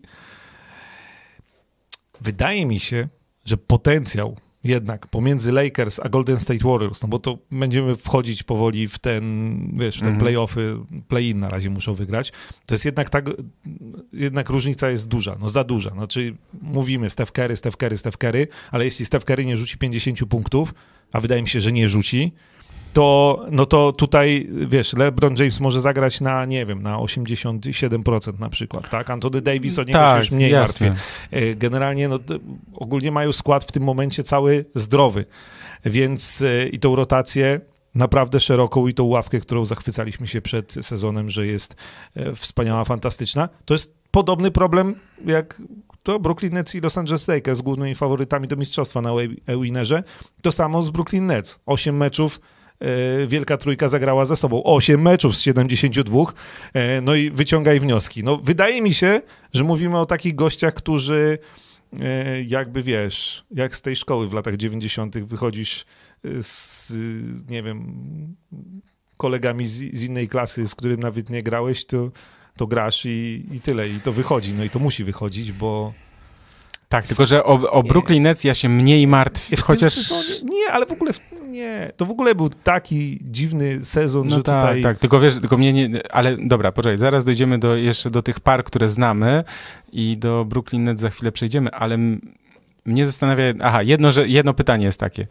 Kto ma większe szanse na pokonanie Los Angeles Lakers? Utah Jazz czy Phoenix Suns, twoim zdaniem? Większe szanse wydaje mi się, że Utah Jazz. Mimo, mimo wszystko. To taki sprawnie testuje Krzyśka. Nie, no y, y, tak jakbym pomyślał, to, to pewnie tak. Y, też patrzę bardziej pod kosz, bo tutaj strzelanie z dystansu też będzie wyglądało dobrze i ma zawodników, no, którzy trochę więcej jakby niż, niż Stefa Kerego, który jest genialny, natomiast ten obwód Utah jest mocny, natomiast mają jednak Rudego Goberta, pod koszem. Ja myślę, że z Deandre Aytona będzie kiedyś naprawdę solidny center. Solidny może bardzo solidny, natomiast to na pewno jeszcze nie teraz i, i, i nie. No jeśli, jeśli miałbym powiedzieć, no to Utah Jazz, ale generalnie jak oni się spotkają, to ja powiem, że Los Angeles Lakers są faworytem, no. No tak, znaczy mnie tu zastanawia taki też taka możliwość, no to już jest troszkę zbyt duże jakby może i wróżenie z fusów, ale taka rzecz, że jeśli oni by zagrali z Utah Jazz jednak, czyli musieliby przegrać z Golden State Warriors, a potem wygrać z Memphis lub San Antonio, ale mm, może być tak, że te pierwsze na przykład dwa mecze, kiedy oni jeszcze będą łapać rytm, kiedy LeBron jeszcze będzie łapał rytm, że to na przykład przegrają i potem to już będzie nie do odrobienia na przykład. Że tu jest takie niebezpieczeństwo dla Los Angeles Lakers w pierwszej rundzie. Ja bym to widział, jeśli mamy tak spojrzeć, to w ten sposób. I zakładamy oczywiście, że my tutaj sobie dywagujemy tak naprawdę na zdrowych składach, bo no wiemy, że Donowana Michela brakowało pod koniec sezonu zasadniczego. Jeszcze mamy chwilę. No wróć. Myślę, że, w, tak. że wróci na, na playoffy, no ale tak samo możemy mówić, że tutaj, no wiecie, jak się LeBron James jednak okaże, że mm, ból kostki go pokona i jego zabraknie w jakichś meczach, no to nagle Los Angeles Lakers Ja mimo myślę, tego świetnego że- składu, to Ja myślę, że chociaż wiesz co, mnie tak troszkę takie sygnały, ja wiesz, czytam, czytam między wierszami. Zawsze, zawsze zwracam uwagę na jakieś takie szczegóły, czytam między wierszami. Zastanawiam się, czy LeBron James trochę nie szuka takich, znaczy nie mówię, że wymówek, ale troszkę usprawiedliwień. Bo on tak, mówi, że najpierw, znaczy najpierw powiedział, że jest zły, że tam kto, ten, kto to wymyślił te playiny, to powinien wylecieć z pracy, to jest jedna rzecz. Teraz mówi, że Steph Curry to jest tam w ogóle MVP, Ale- najlepszy w ogóle mówisz, i tak to, dalej. tak jak zawodnik, jak bokser, który przegrywa walkę i mówi, ja przegrałem, bo palec miałem złamany od drugiej rundy, Nie, bo tak, rywal jest tak znakomity, bo zobacz tak, kostka go boli, to jest bardzo, znaczy widać, że to była po prostu bardzo poważna kontuzja. On już tak mówi, że no nie wróci nigdy do pełni zdrowia. Takie, wiesz, on nigdy wcześniej czego takich rzeczy nie mówił. Teraz tak jakby szuka troszkę usprawiedliwień dla, dla tego, tak, zakłada, zakłada brak mistrzostwa, zakłada brak zwycięstwa, więc już troszkę tak jakby wcześniej przygotował grunt. Może to jest moja nadinterpretacja, ale przyjrzyjmy się temu, zobaczmy, co mówi i jak nie wiem, mówi. Dlaczego, ja nie wiem, dlaczego my w ogóle ten, w tym sezonie bawimy się w zapowiadanie czegokolwiek, bo ja często mam wrażenie, że w ogóle przewidywanie w tych rozgrywkach Nie, my, czegokolwiek nie, to oczywiście, jest, że wiesz, w ogóle w NBA, bo jak wróżenie z fusów. No tak, ale nawet sp- spójrzmy na to jeszcze wracając do wschodu. Jaki był finał e, konferencji? Nie no, wscho- Jaki był finał konferencji wschodniej? E, mniej niż, nie wiem, 10, 10 miesięcy temu. Nie no, w ogóle... Celtics, No, hit, no, tak? tak, Dzisiaj nikt- szóste miejsce Miami, Celtics siódme miejsce. Tylko, Ja- że wtedy Celtics byli jakby, myślę, że jednak wyżej i to nie była jakaś niespodzianka, że oni byli w finale wschodu. No tak, ale, no, E, ale no to Miami byli, aha, że mówisz, że a, po, po, finale wschodu teraz No nie, po, po tym są- finale, że to są finaliści wschodu, czyli mistrz i wicemistrz Tak, wschodu, tak, zajmujesz tak, szóste tak, tak, miejsce tak, i tak, siódme tak, tak, miejsce, tak, tak? Czyli jak to się wszystko no, szybko Przy- zmienia przyczyny też, tak? Z różne, natomiast y, no masz rację pod tym względem. Em, Przypominamy, że mecz Lakers-Warriors w nocy z środy, z środy na czwartek o czwartej nad ranem, tak? Czyli w czwartek o czwartej nad ranem tak naprawdę można już sobie tutaj rezerwować czas i budzik ustawiać. Czytam komentarze trochę o komenta- komentarze o komentatorach naszych się pojawiły. Jeśli wracacie, bo tu niektórzy wracają do Ryszarda Łabędzia i Włodzimierza Szaranowicza, też pamiętajcie, że jak to były zupełnie inne czasy. Znaczy nie było Nie było internetu. Oni wszystkie informacje musieli pozyskiwać tak naprawdę z amerykańskiej prasy, gdzieś tam e, przesyłanej e, w wersji papierowej, czy, e, czy przez redakcję mm, no wtedy telewizji polskiej. Kasety wędrowały z Nowego Jorku samolotem do Polski. E, Trzeba było je przegrać z systemu NTSC amerykańskiego na PAL. Prawda? Tak było, tak było. Ja miałem, ja miałem taki, ogóle- a ja miałem taki magnetowid, czy e, odtwarzacz do tych właśnie, do tego innego systemu, bo mój ojciec tak, NTSC. też tam, tak, muzyczne sprawy to, to duży, ogarniał. duży no. szacun, bo tak to się przydawało. Ale no, to zu- zupełnie inne czasy. My takie pamiętamy, jeszcze internetu nie było i no i wtedy weźcie i sobie znajdźcie e, Weź, informacje. weź, weź coś o- powiedz, komentujesz mecz i weź coś Tak. powiedz o, o, jakichś Nie zawodnikach. masz, e, wiesz, e, tego, e, na live'ie box scora, Nie, nie? bo, ale to boxscore, zwłaszcza, że mecze są z odtworzenia, Tak. więc i komentujesz jest z odtworzenia. Ja parę razy, zresztą ty też komentowałeś kiedyś z odtworzenia, bo na przykład, nie to wiem, tam to jest, to jest masakra, bo nawet, bo to żebyście zrozumieli, bo to chodzi o to, że komentator cały czas coś mówi, tak? Oczywiście, że można przeciągać, że tam 72 do 74 i, i wiesz, przez pół minuty mówisz wynik i czas, jaki został do końca kwarty. To oczywiście można, ale starasz się gdzieś tam wyłapywać te ciekawostki, tak? Starasz się na bieżąco podawać statystyki, że on ma już tyle i tyle, tak? To, to, jest, to jest bardzo trudne. Ja też pamiętam, że przed każdym meczem tak naprawdę, to ja miałem każdą drużynę, każdego zawodnika, miałem takie historyjki ponadczasowe, czyli na przykład, że nie wiem, gdzieś tam najlepszy jego sezon to taki i taki i na przykład przydawało mi się taka kartka na, na cały sezon. Na przykład Steph Curry urodził się w Akron. Na przykład, tak, ale, ale też na przykład bieżące tematy, czyli przy każdym zawodniku, jak on wykonał dobrą akcję, to ja szybko sobie zerkałem i przypominałem jakąś ciekawą historyjkę na przykład na dany temat, na temat tego zawodnika, że albo, wiesz, ktoś rzuca na przykład, nie wiem, trzy kosze z rzędu, to mówisz, no i on, ja szybko otwierasz ESPN, Game Log i tak dalej, no on w ostatnim meczu tam 18 y, i 14 i tak dalej, więc masz ogromne możliwości, a, a tutaj było po prostu no, na fantazji tak no, naprawdę. No, na... że wiesz, akurat jeśli chodzi o NBA, bo nie we wszystkich ligach to tak wygląda, to też dziennikarze przed każdym meczem dostają tak naprawdę książkę e, ze wszystkimi statystykami ale jest, i tak nie, dalej. Ale jest no, to... jeszcze coś takiego, to jeśli, nie, jeśli ktoś nie... Ja dopiero to odkryłem 10 lat temu tak naprawdę, jak e, zaczęliśmy w, w Orange'u komentować. Jest coś takiego, nazywa się Media Guide, tak, tak, tak. No. Trzeba sobie wpisać najlepiej w Google, bo to trudno znaleźć, na NBA.com, na NBA.com Media Guide i każda drużyna przygotowuje, yy, biuro prasowe przygotowuje przed każdym meczem po prostu no, książkę. Tylko oczywiście też trzeba to przeczytać i sobie wypisać notatki, a nie, że o, przyjdę z taką książką, bo to też w trakcie komentowania nie ma czasu na czytanie notatek i nie ma takiej opcji, jak my tu teraz sobie pogooglamy coś i otworzymy, tak? A pamiętacie Włodzimierza Szaranowicza, jak mówił dziś nie będzie meczu? No pamiętamy. Nie, to jest, Program, to jest legendarny. To jest jedno z, jedno z takich, że mnie ciarki przechodzą i we mnie to zostało. Dziś nie będzie meczu NBA. To jest po prostu i, i został wyemitowany program o Michael Jordanie. Michael Jordanie po tym, jak on pierwszy raz zakończył karierę. Tak, tak. Czyli tak, w 93 pa, roku. No to chyba możemy obaj powiedzieć, że oglądaliśmy to na żywo w na, telewizji. Na żywo w telewizji. Znaczy, tak. Na żywo w telewizji wtedy. E, to prawda, to prawda, więc o, dzisiaj wspomnień nam się Słuchaj, y, wspominki zebrało. Zaraz będziemy czytać dalej, ale bo jest takie pytanie sprzed A, prawie nie? godziny, ale jest Aha. o Spurs Memphis. No bo to chyba powinniśmy przejść do tego. No bardzo proszę. Chciałeś ominąć, ja cię znam. Zastanawiam się, czy wszystko już tam powiedzieliśmy o Lakers Golden State Warriors. Tak, tam w skrócie Lakers wygrają. Yy, Grizzlies Spurs. Jaki wynik? Pan poda. A, moglibyśmy. Nie, myślę, że myślę, że spokojnie Lakers wygrają. Grizzlies Spurs 2 do 1 w sezonie zasadniczym e, dla Memphis, mhm. będąc e, tutaj dokładniejszym. E, San Antonio Spurs przegrali ostatnie cztery mecze, tak jak też mówimy o tym, kto jest na jakiej fali, natomiast Oni trzeba... odpuścili totalnie. Tak, i też... mieli pewne tak, dziesiąte i, i to były mecze na... dwa razy z Suns, z Nets i z Knicks i Greg Popowicz się nie zmienia. Więc, więc od, zresztą tych odpuszczonych meczów, y, a propos kursów, nie wiem kto stawiał, e, bo można było sporo wygrać na mecz Clippers z Oklahomą.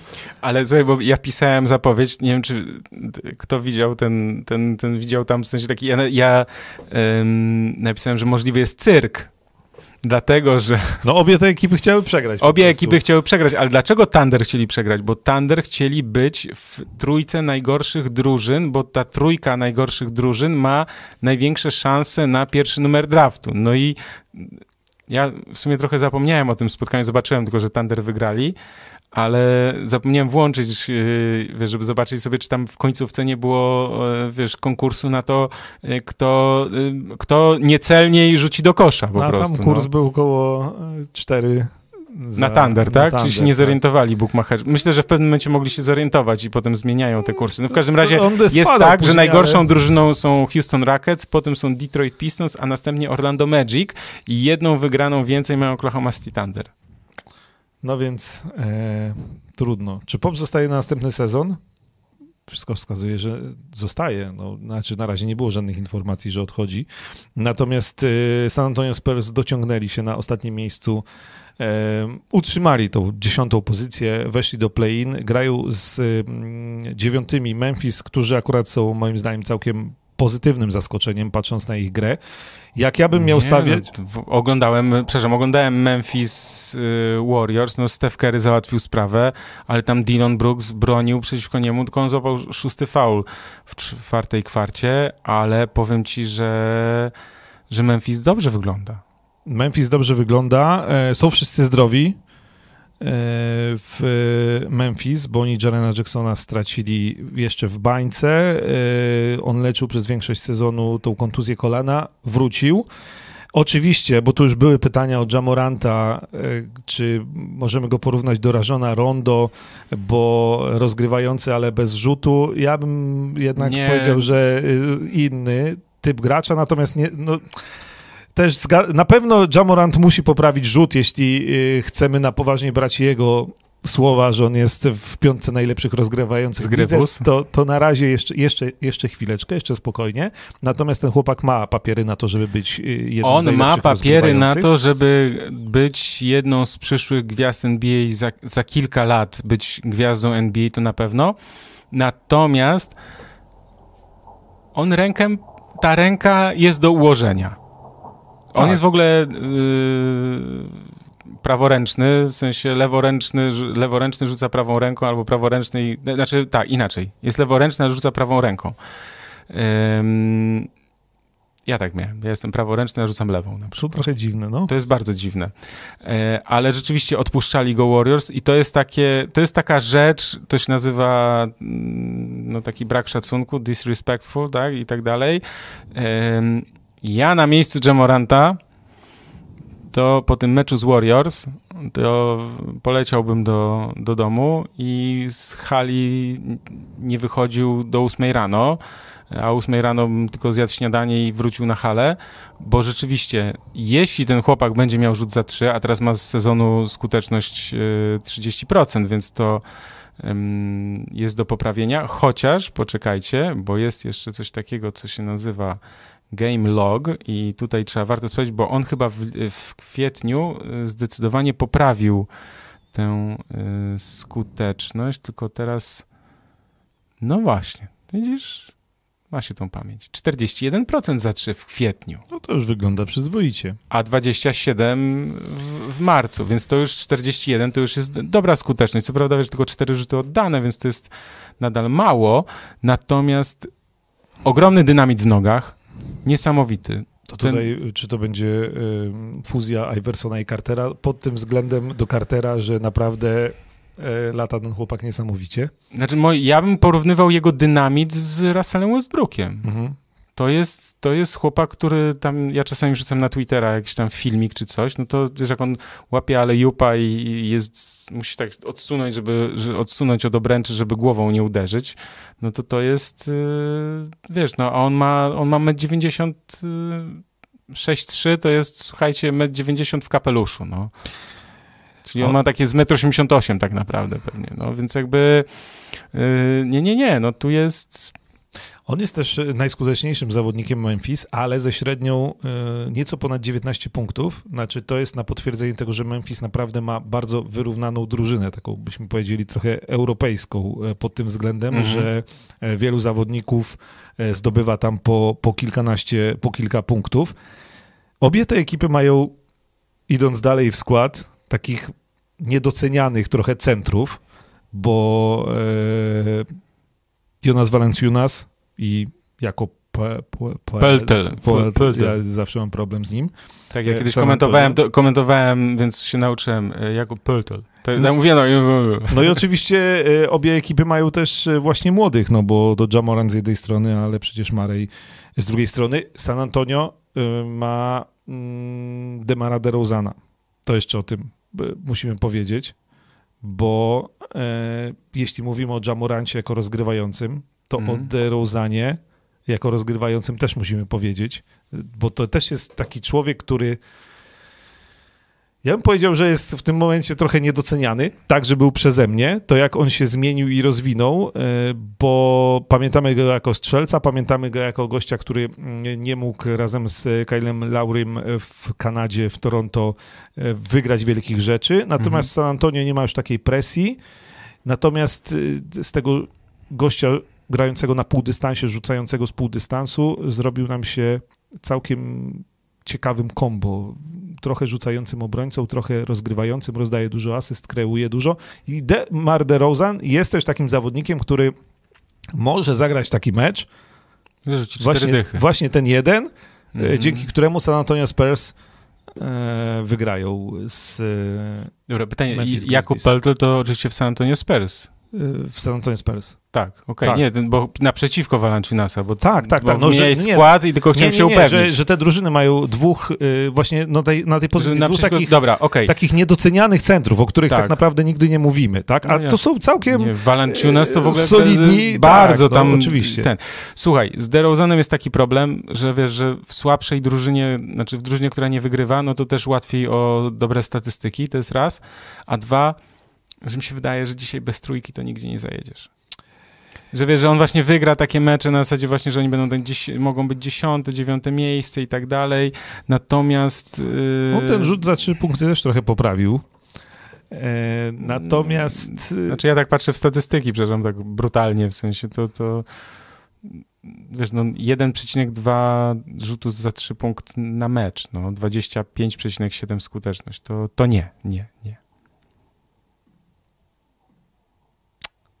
Kto inny będzie rzucał za trzy San Antonio? Nie no, to... to, Nie, to, znaczy jesteśmy, ja- wiesz, to ja, jakby ja się zgadzam, że jeśli stawiamy i patrzymy w kursy, e, to Memphis Grizzlies moim zdaniem ten mecz wygrają. To, to wydaje mi się, że, że tak, bo, bo są po prostu lepszą drużyną w tym momencie. Natomiast jeśli gdzieś mam szukać jakichś szans dla San Antonio Spurs, to ja bym powiedział, że DeMar DeRozan jest gościem, który mógłby e, ten mecz e, z Memphis w pojedynkę uciągnąć.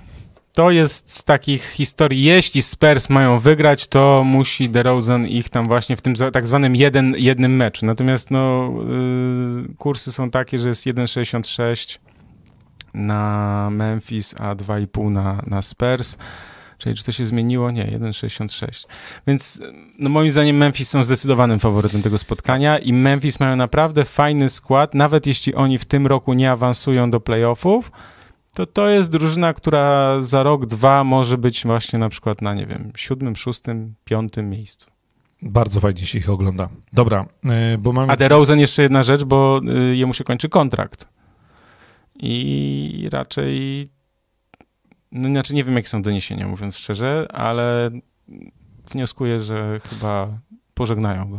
Tam to jest w ogóle pytanie właśnie też o Grega Popowicza, o przyszłość tej organizacji, bo tak trochę mam wrażenie, że w takim kierunku nie wiadomo za bardzo jakim w tym momencie to San Antonio e, sobie dryfuje, więc szanujemy, że Pop znowu wszedł przynajmniej do play-in, natomiast, natomiast jak ta przyszłość będzie wyglądała San Antonio, to też jest ciekawe, no bo podajemy to jako wzór organizacji e, w NBA, wzór, jeśli chodzi o prowadzenie całe, całego klubu. San Antonio Spurs wiele razy tak, tak mówiliśmy, natomiast e, natomiast e, tak, e, Candice Parker by się przydała ze swoją trójką, która ostatnio w studiu TNT e, zawstydziła tak. e, Szaka e, i... W, spód- sukience, czy tam Tak, spódnicy, no, w ogóle, wiesz, sukience, na obcasie tak, pewnie, czy coś, Ale i no, wiesz, ciach, ciach. no, tam, Jeśli chodzi o Spurs, to tam się szykują duże zmiany. Ja szybko zerknąłem w e, salary, czyli w e, te płace. Dejounte Murray,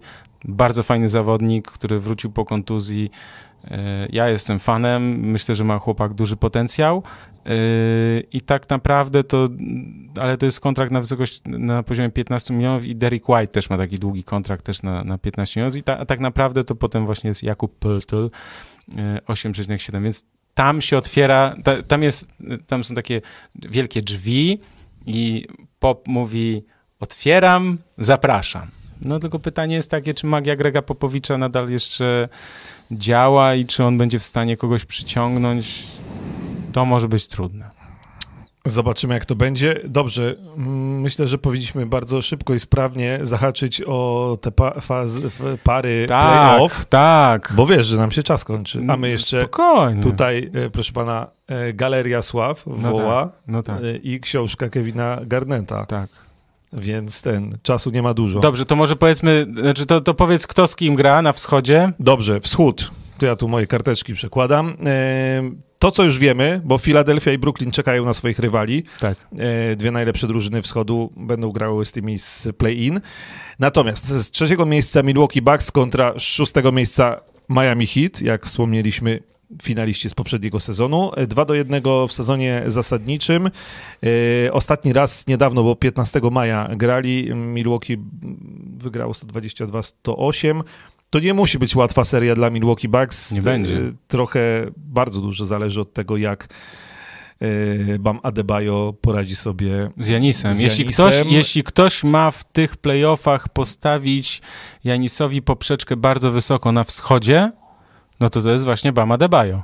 E, Tak, no i ta generalnie defensywa Miami Heat z Jimmy Butlerem, który jest w stanie robić rzeczy czasami, co widzieliśmy w bańce, ponad, mam wrażenie, nawet swoje e, możliwości. To nie będzie łatwa seria, natomiast no Milwaukee Bucks, no... Słuchaj, to będzie bardzo trudna seria dla Milwaukee. Na, I Milwaukee w ogóle ma z tych trzech drużyn, mówimy Philadelphia, Brooklyn Nets i, i Milwaukee Bucks, trójka tak naprawdę, znaczy dwie z tych drużyn będą grały w finale konferencji na, na pewno, yy, tak nam się wydaje, tak, że no Philadelphia ma taki, jak to się ładnie mówi, Amerykanie mówią, czerwony dywan, nie tak jak przedsiębiorcy w, w Polsce po ostatnich ogłoszeniach, tylko yy, naprawdę czerwony dywan do, do, do, do finału konferencji, natomiast w drugiej rundzie wydaje się, że Milwaukee Bucks się zmierzą z Brooklyn Nets. Natomiast Brooklyn Nets będą mieli łatwiej teoretycznie mm, w tej pierwszej rundzie, bo myślę, że Miami Heat postawią bardzo wysoko poprzeczkę Milwaukee Bucks i przed Milwaukee Bucks, jeśli oni chcą, bo wiemy, że to jest jedna z najlepszych drużyn na wschodzie od kilku lat, natomiast ciągle nie może wejść do wielkiego finału. Zmiany w składzie, moim zdaniem, wcześniej było tak, rok temu było, była wielka dwójka, czyli Janis i Middleton i trzecim tym muszkieterem to było kto dzisiaj zapali, ten będzie. I tak się grać nie da na najwyższym poziomie. Musisz mieć zawodnika trzeciego, który jest y, no twoim no takim mocnym ogniwem, tak? No i Drew No. Holiday, który jest rewelacyjnym defensorem, ale też potrafi zdobywać punkty i to, co jest ważne, to, czego nie miał Eric Bledsoe, bo Eric Bledsoe to miał, ale nie w najważniejszych meczach. Czyli to kreowanie same, y, samemu sobie sytuacji do zdobywania punktów. To jest trochę takie, to się mówi, że zdobył punkty z niczego, tak? Czyli ta akcja w ogóle nie była, nie była ustawiona, gdzieś y, już jakieś ostatnie sekundy i tak dalej, a w playoffach dużo jest takich akcji, że to nie jest, wiesz, trzy podania, wymiana, pięknie krąży piłeczka po obwodzie i tak dalej, tylko to czasem są po prostu wymęczone, wymuszone akcje, trudne rzuty i tak dalej, i tak dalej. I tu Drew Holiday, oni zainwestowali ogromne pieniądze i Drew Holiday powinien być tym właśnie brakującym ogniwem, który, którego Milwaukee Bucks brakowało. Jak, jeśli Bucks przegrają, to tam trener wylatuje, transferów pewnie nie zrobią, No bo, bo no, podpisali właśnie Holiday'a i, tak, Middletona i i- do Janisa, Nie, tak. więc jakby najbliższe lata to ta trójka ma im coś wygrać, no i, i tyle. I I moim zdaniem, ja to już mówiłem tydzień temu, ja stawiam, że to Milwaukee Bucks, a może nawet to będzie taka dobra przeprawa dla nich, że oni zdobędą, wiesz, po, pokonają Miami, którzy ich w 4-0. zeszłym roku też upokorzyli przecież, prawda? Było tak. Chcesz I sprawdzić teraz, jeszcze? I teraz co sprawdza i co i na przykład takie niespodziewane 4-0 albo 4-1 i rozgrzani gotowi wpadną na Brooklyn Nets. No, że tak, że to jest, daje plus 10 do zbroi trochę, wiesz, do takiej pewności siebie, no. To już nie to Miami, co w zeszłym roku, to już nie to samo Milwaukee, co w zeszłym roku. Ja myślę, że Milwaukee mimo wszystko, mimo że jest Oczywiście, że Milwaukee, jest, przepraszam, jest, Miami, Boże, ja miałem zawieszkę przed chwilą, właśnie się zawiesiłem, czy, czy, czy na pewno Miami y, w zeszłym roku wyeliminowało Milwaukee. No oczywiście, że tak, bo przecież to jest rematch, czy w sensie, że, o Jezus Maria, przepraszam, to y, jak to mawiał trener Bakun, y, sorry, lukę miałem na umyśle, no. Tak, no to jest Nie. oczywiście... y, No to powodów... Rewanż za zeszły, za zeszły sezon. Moim zdaniem Miami Heat mieli ogromne problemy w tym sezonie. Nie ma Oladipo, bo on miał im pomóc. Ym, Moim zdaniem to jest 4-2 dla Milwaukee. 4-1 nawet może. No to jak tak będzie, to naprawdę Milwaukee w, myślę, dobrej formie i dobrych nastrojach wejdą do, mm, e, przystąpią do meczu pewnie z Brooklyn Nets i rzeczywiście możemy wtedy się spodziewać fantastycznej, e, fantastycznej serii. E, New York Knicks, Atlanta Hawks. Najlepsze w tym wszystkim jest to, że jedna z tych drużyn zagra w drugiej rundzie. I to powtarzają sobie wszyscy analitycy, jak gdzieś tam sobie szukałem różnych tych i to się przewija, bo zarówno dla Nowego Jorku czwarte miejsce to jest i zarówno dla Atlanty w ogóle piąte miejsce, więc jak dla jednych z tych drużyn awans do drugiej rundy będzie wielkim sukcesem. No tak jak mówiliśmy o Washington Wizards i Boston Celtics, co my tutaj robimy, no to te dwie drużyny mogą sobie też yy, zadać to pytanie, co my tutaj robimy na tym Nie, to, to bardziej takie, bardziej takie wow, udało tak, się, zobacz, gdzie wow, jesteśmy. co my tu robimy. Tak. E, więc no, trochę jak Wizards teraz w playinach, e, więc e, dwie drużyny, które kończą z takim samym bilansem. E, Nowy Jork będzie miał przewagę parkietu. No ja bym chciał, żeby Nowy Jork tego nie zepsuł, bo jednak mm, pałam większą sympatią do tej drużyny niż e, ekipy z Georgii. Natomiast to może być bardzo zacięta seria. To może być seria, która się skończy y, siódmym meczem. Tak. To tam jest tak wiele znaków. Ja się cały czas boję tego, że, no, że w Nowym Jorku to kiedy, kiedyś to się skończy. Eldorado. Mhm. Że znaczy, już, że, niby, że, na ten sezon to taki szczyt możliwości? Niby cały czas Julius Randle udowadnia mi, i gdzieś tam mamy też Derricka Rose'a e, jako tego weterana, człowieka, który e, niejedne playoffy już grał i niejedno w życiu przeżył i jest Barrett i, e, i to wszystko dobrze działa. I ja nie wierzyłem, że oni utrzymają to czwarte miejsce, a oni utrzymali to no tak, czwarte miejsce. Dużo farta tam. No było, oczywiście, że tak, ale, ale jednak utrzymali.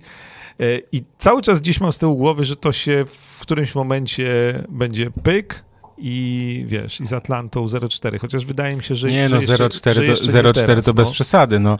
E, już ci mówię, ja też się obawiam tego, że ten e, ISO, ISOBall, że te izolacje Randla na, nie przyniosą aż takich efektów. Pamiętajmy, że Atlanta ma zespół utalentowany, Natomiast Trey Young jest pierwszy raz w playoffach i też to będzie dla niego duży sprawdzian.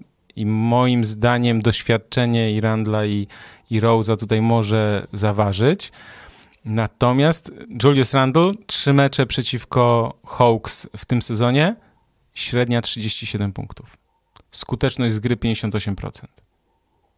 12 zbiórek, 6,7 ja, ja asysty. ja, ja, liczę na to, że Randall będzie grał tak jak cały sezon zasadniczy, y, Derrick Rose będzie grał tak jak po przyjściu do New York Knicks i na plecach tych dwóch zawodników New York Knicks w miarę spokojnie Atlantę przewiozą.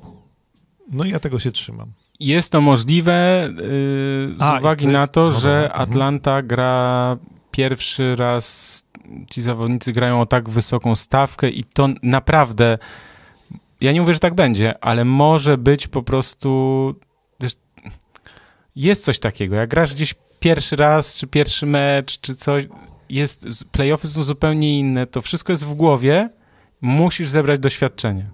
Y, to jest jedyna chyba para z tych, które znamy, na pewno jedyna, w której e, mamy wynik 3-0 po sezonie zasadniczym. Wszystkie trzy mecze wygrali New York Knicks.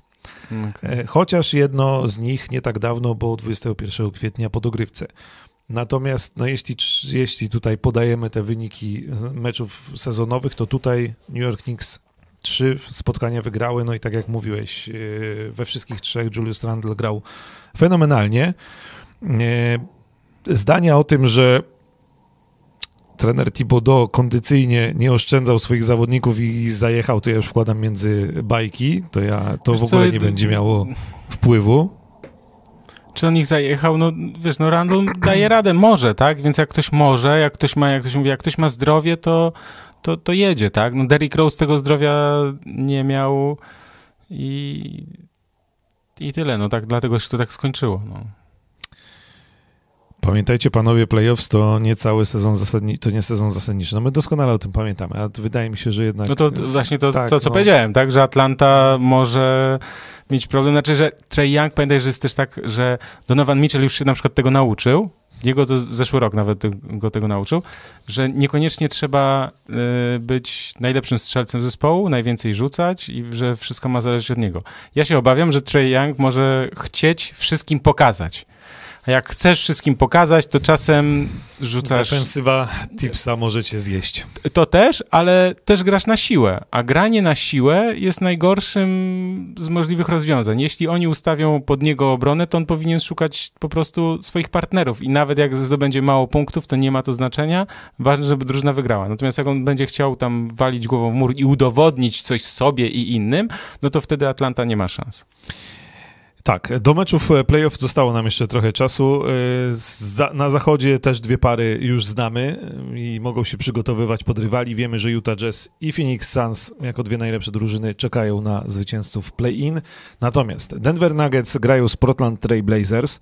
Tutaj w sezonie zasadniczym 2-1 dla Nuggets, natomiast no, ten ostatni mecz dla Portland to też była trochę szopka. Tak, niestety. E, I e, to wszystko po to, żeby sobie właśnie z, Lakers poradzić. To powiedz, bo to chodzi o to, że jeśli Portland, wyg- znaczy Portland musiało wygrać ten mecz i dzięki temu zajmowało szóste miejsce, a nie, bo jakby przegrali, jakby Denver wygrało i Lakers wygrali z Pelicans, to wtedy Lakers zajęliby szóste miejsce. Natomiast Denver stwierdzili, że ty, czekaj, czekaj, e, po, tu weź daj mi, ja policzę, e, z Lakers nie gramy, to przegrywamy. No i takie rzeczy też się e, dzieją. I tu nie było możliwości kursów, bo kurs był na, na Denver, był pod tytułem, wiesz, na, znaczy na Portland był pod tytułem 1, przecinek coś, 0 Tak. chyba, 1, przecinek tam I 1. nikomu niczego nie udowodnisz, ale wszyscy, wie- Wszyscy wiedzą, o co wszyscy chodzi, wiedzą tak. o co chodzi. Natomiast no, faworytem e, w tym starciu właśnie powiedziałbym, że Denver Nuggets, natomiast zastanawiam się, Mhm. jak bardzo będzie im brakowało Mareja właśnie w playoffach. I zastanawiam się, i to jest znowu takie pytanie, czy Porter Jr. będzie w playoffach tym zawodnikiem, którego widzieliśmy w ostatnich tygodniach sezonu zasadniczego. Bo Nikola Jokic, wiadomo, zrobi swoje. Mhm. Natomiast no, Denver Nuggets muszą, muszą zagrać tak, myślę, że jak m- przez yy, no tak naprawdę dru, nie wiem, trzy czwarte tego sezonu, te ostatnie trzy czwarte, tak, bo początki Mhm. mieli trudne. Brak Jokicia, znaczy Boże, brak y, Mareja będzie widoczny moim zdaniem dopiero w drugiej rundzie. I tutaj Denver są faworytem i Michael Porter Jr. już pokazał, że mm, potrafi grać w playoffach w zeszłym roku, prawda? Więc jakby Mhm. on się tej presji zupełnie nie boi, więc to nie jest, dla niego to jest no jego je, jest, jest w swoim żywiole, tak? Tu nie mówimy o, o młodym chłopaku, który nie wie, czy będzie w stanie tak grać i tak dalej. Więc ja myślę, że tutaj Denver są faworytami. W Portland Damian Lillard oczywiście będzie szalał, CJ McCollum będzie też rozgrywający trochę... znakomity sezon, ale jednak to może To być... wiesz, też pytanie, na ile Nurkic będzie w stanie mm, zatrzymać Jokicia. E, No, nie tyle zatrzymać, co ograniczyć, może tak. To Not jest- gonna to jest- happen, że tak to z amerykańska. No, tak, to, to, jest, to jest bardzo ważne pytanie, które może zmienić losy tej rywalizacji, jeśli w jakiś sposób Nurkiczowi by się Jokicia ograniczyć jednak udało. E, Co do skuteczności Lillarda w playoffach jestem raczej spokojny. Troszeczkę mniej o CJ McColluma. Nigdy nie wiesz, co z ławeczki szykuje Carmelo Antony. Oczywiście, nie, no słuchaj, to nie będzie łatwa przeprawa, no to jest raczej 4-2-4-3 czy coś takiego, tak? Ale, ale że den, moim zdaniem Denver są faworytem.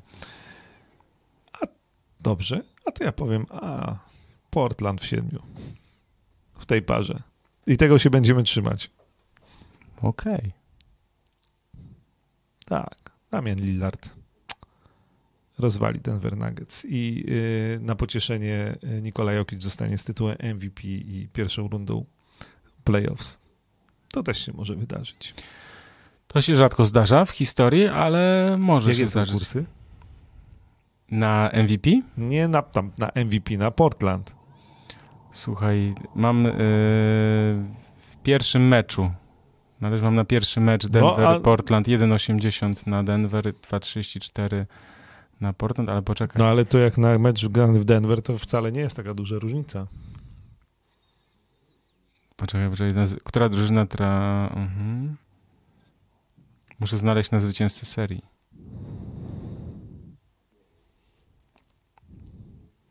No tak, mają dwóch centrów na Jokicia. Jeszcze Enes Kanter, pamiętajmy. O tak, wybitny obrońca.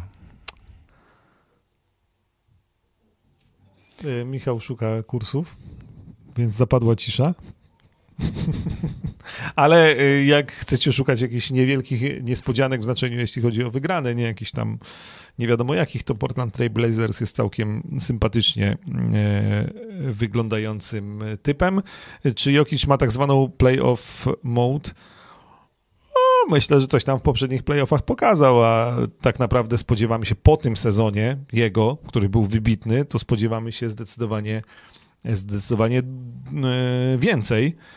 Denver nie ma Mareja, zrobił różnicę. No, zwycięzca, zwycięzca serii. Proszę. Denver 1,86, Portland 1,96. A to już jednak jest y, troszeczkę. Nie, to przy A takim... nie, poczekaj, 1,90. 1. 1,96. A, no to nie, to tutaj, no to czyli trochę się znamy, mówiąc, że będzie to wyrównana seria. Tak, i, i to jest jakby, no... O ile na przykład na Milwaukee jest 1,32, a na Miami 3,35. No, kusi, kusi. Powiem ci. Dobra. E, Portland, ja stawiam Portland. Dobrze. Ja stawiam Portland i zostają nam Los Angeles Clippers, Dallas Mavericks. E, jako, że powiedziałem ostatnio, że Clippers widzę w finale, to postanowiłem, że będę się tej wersji trzymał.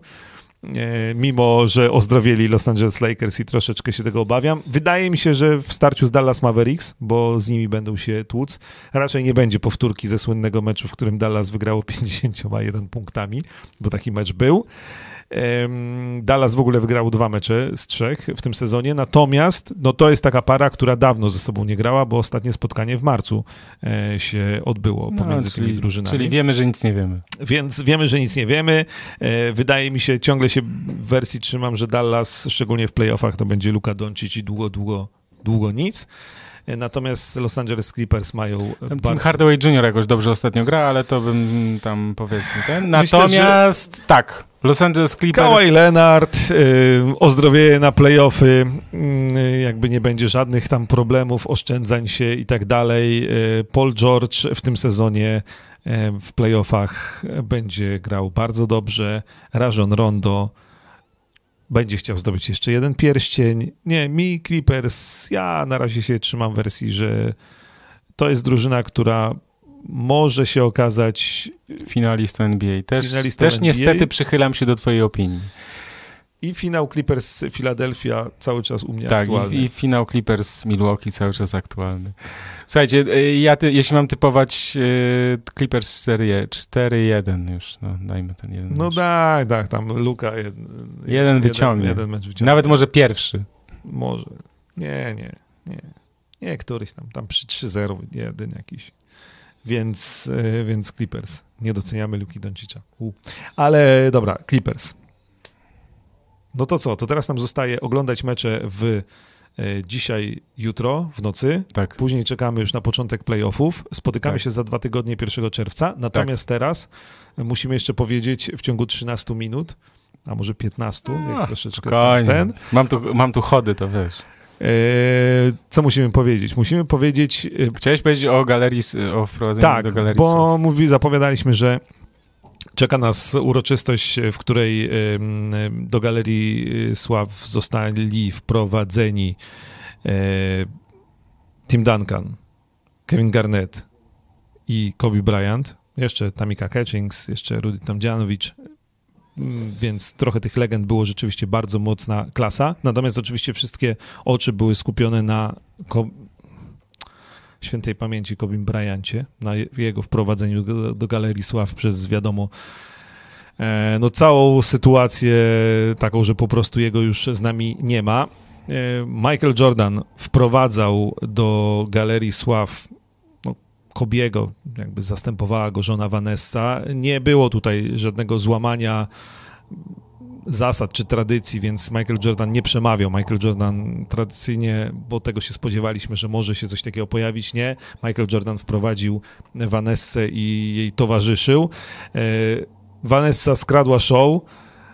Możecie jej lubić albo nie, natomiast przemówienie miała absolutnie fenomenalne, piękne, zabawne, wzruszające napisałem na Twitterze, to jeszcze powtórzę, takie właśnie w stylu Kobiego z kilkoma zabawnymi odniesieniami, także do Michaela Jordana, z tą y, niesamowitą historią o tym, że mm, Kobe Bryant zawsze starał się grać. Znaczy, jeśli go coś bolało, jeśli miał, mm -hmm. no wiadomo, były takie kontuzje, przez które po prostu nie mógł chodzić, no to nie mógł grać. Natomiast e, nie zważając na ból, nie zważając na wszystko, kibice byli dla niego najważniejsi, bo on pamiętał, że kiedyś siedział z ojcem e, i oglądał Michaela Jordana i zawsze mówił, że on musi zagrać, bo może na trybunach siedzi jakiś chłopak, który zbierał pieniądze, żeby go zobaczyć i co? I przyjedzie na ten mecz za te ciężko zbierane pieniądze tak, przez tam była taka, takie y, też odniesienie właśnie, że chodziło o to, że tak jak Michael, tak? Znaczy, wiesz, że, że Kobe oglądał tego, którego tak. y,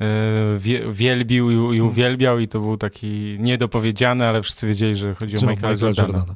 E, I Kobe Bryant, e, Kobe Bryant, no taki był, więc, więc piękna to była e, ceremonia, rzeczywiście z bardzo mocną klasą, z no, tymi nazwiskami też wielkimi, wielkich koszykarzy, którzy gdzieś tam trochę zostali w cieniu Kobiego Bryanta, ale naprawdę, mm, kto nie słuchał, to, to, to warto w ogóle posłuchać sobie tego przemówienia Vanessy, bo też ono po prostu było fajne. Okazało się, że Vanessa Bryant jest naprawdę doskonałym mówcą też, więc, więc naprawdę było bardzo dobrze przygotowane, świetne, świetne przemówienie i myślę, że e, łezka się wokół niejedna zakręciła wszystkim, którzy to obejrzeli. Tak jest. Czy chciałbyś, żebym ja coś dodał? Ja nie do...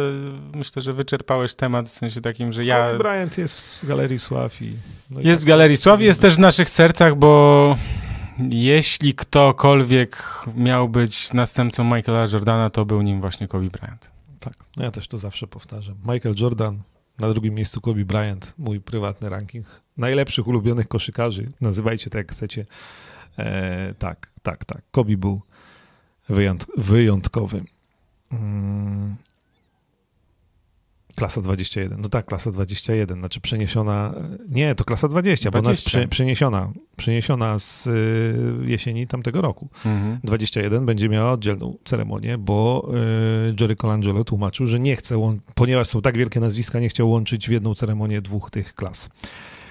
E, więc e, tak jak wiele imprez mamy teraz euro piłkarskie też jest nie wiadomo czy 20 czy 21, bo euro 220, ale odbywa się w tym roku, więc, więc tak. E, Levert w protokole COVID nie zagra z Hornets, to tak dodając do poprzednich informacji. Natomiast jeszcze o jednego z ty, o jednym z tych wielkich chcieliśmy powiedzieć, bo wyszła biografia w języku polskim przetłumaczona mm, Kevina Garneta. Tak, ja już wrzucam link. To wrzucaj link. Y, ja powiem tak, całkowicie szczerze, jeszcze jej nie czytałem. No bo jeszcze jej nie dostaliśmy. Natomiast bo premiera jest jutro. Natomiast przeczytam Kevin Garnett od A do Z, bez cenzury o życiu koszykówce i wszystkim pomiędzy. Tak brzmi cały polski tytuł. E, I, Link na czacie. E, I jest tutaj e, dosyć wiernie oddany, przetłumaczony z angielskiego, bo to różnie z tymi tytułami bywa. Natomiast ten tytuł jest też zapowiedzią no, tego, czego byśmy się spodziewali po biografii Kevina Garneta, że to jest oprócz tego, że był genialnym koszykarzem, pewnie jednym z najlepszych w historii e, silnych skrzydłowych, to e, jest też gościem, który się nigdy nie gryzł w język, zawsze mówił e, co miał do powiedzenia i to, co myślał. Oczywiście był też mistrzem trash talkingu, trochę jak, jak Michael Jordan, więc tutaj naprawdę w tej książce dużo, dużo historii, nie tylko związanych z koszykówką, ale tych pomiędzy. Dla mnie ważne jak będę uczytał po polsku, że tłumaczył to Michał Rutkowski. Jak dzisiaj wracaliśmy do historii, to pamiętajcie, że Michał Rutkowski to jest e, połowa duetu Fruwając pod koszem z Gazety Mhm. Wyborczej. Kiedyś, jak e, internetu nie było i raczkował, to oprócz tego, że w dwójce było NBA, Magic Basketball raz na miesiąc, to co tydzień w piątkowej wyborczej był felieton fruwając pod koszem, Wujec i Rutkowski i to były fenomenalne, absolutnie fenomenalne teksty e, właśnie o tym, co dzieje się w NBA, z kończącym zawsze tako rzeczy Szak i cytatem z Shakila Onila z danego tygodnia. E, Więc, e, więc ja, ja w ogóle miałem okazję poznać Michała Rutkowskiego, kilka razy go miałem okazję zaprosić i pogadać z nim w radiu, i, e, w, jak, jak jeszcze pracowałem. No bo teraz już jakby nie zajmuję się dziennikarstwem, raczej reklamą, natomiast w międzyczasie tłumaczy dla wydawnictwa SQN wszystkie te książki koszykarskie i bardzo dobrze, bo oprócz tego, że jest znakomitym tłumaczem, to, to on po prostu też kocha koszykówkę i uwielbia. Jak, i czuje, jak ktoś prostu- basket, to jak się czyta, to, to jest trochę tak, jak się ogląda filmy i nawet, wiesz, jak próbują zrobić takie ujęcie, że ty rzucasz, no, że, że aktor na przykład rzuca i wpada ta piłka. No to cięte to na pół już wiesz, że na Ale pewno nie- tego nie trafił, nie?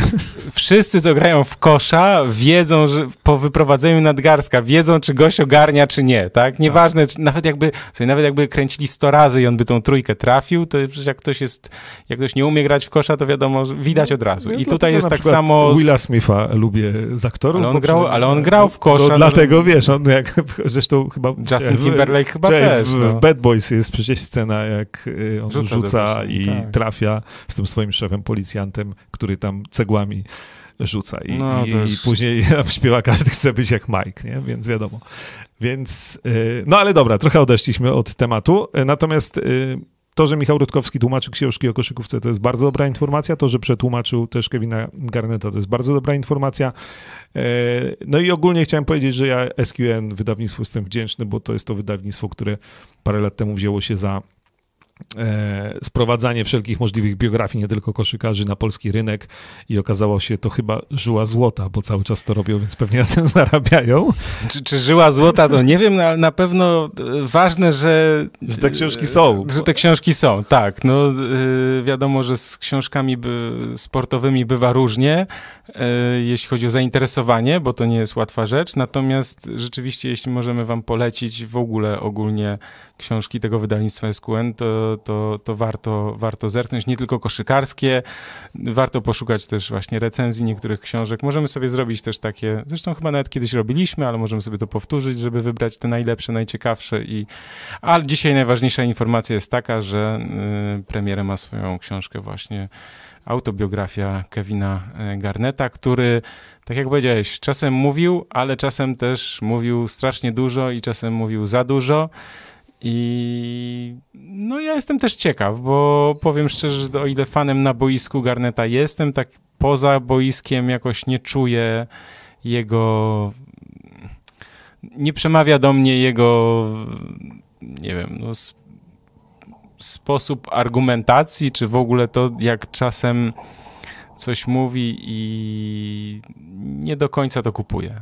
Ale bi- autobiografii jestem ciekaw, bo To jest trochę, mam nadzieję, że to jest, będzie trochę jak z y, Denisem Rodmanem y, i jego dwoma autobiografiami. Tak a propos, jeśli mówimy o tłumaczeniach, to ta pierwsza była fatalnie przetłumaczona. Prze- Ona jest nie do dostania właściwie w tej chwili w języku polskim. Gdzieś tam na Allegro czasem się pojawi w jakiejś kosmicznej, kosmicznej cenie. E, natomiast e, jak drugą, zresztą pierwszą też, no, w biografiach Rodmana tak naprawdę niedużo jest o koszykówce.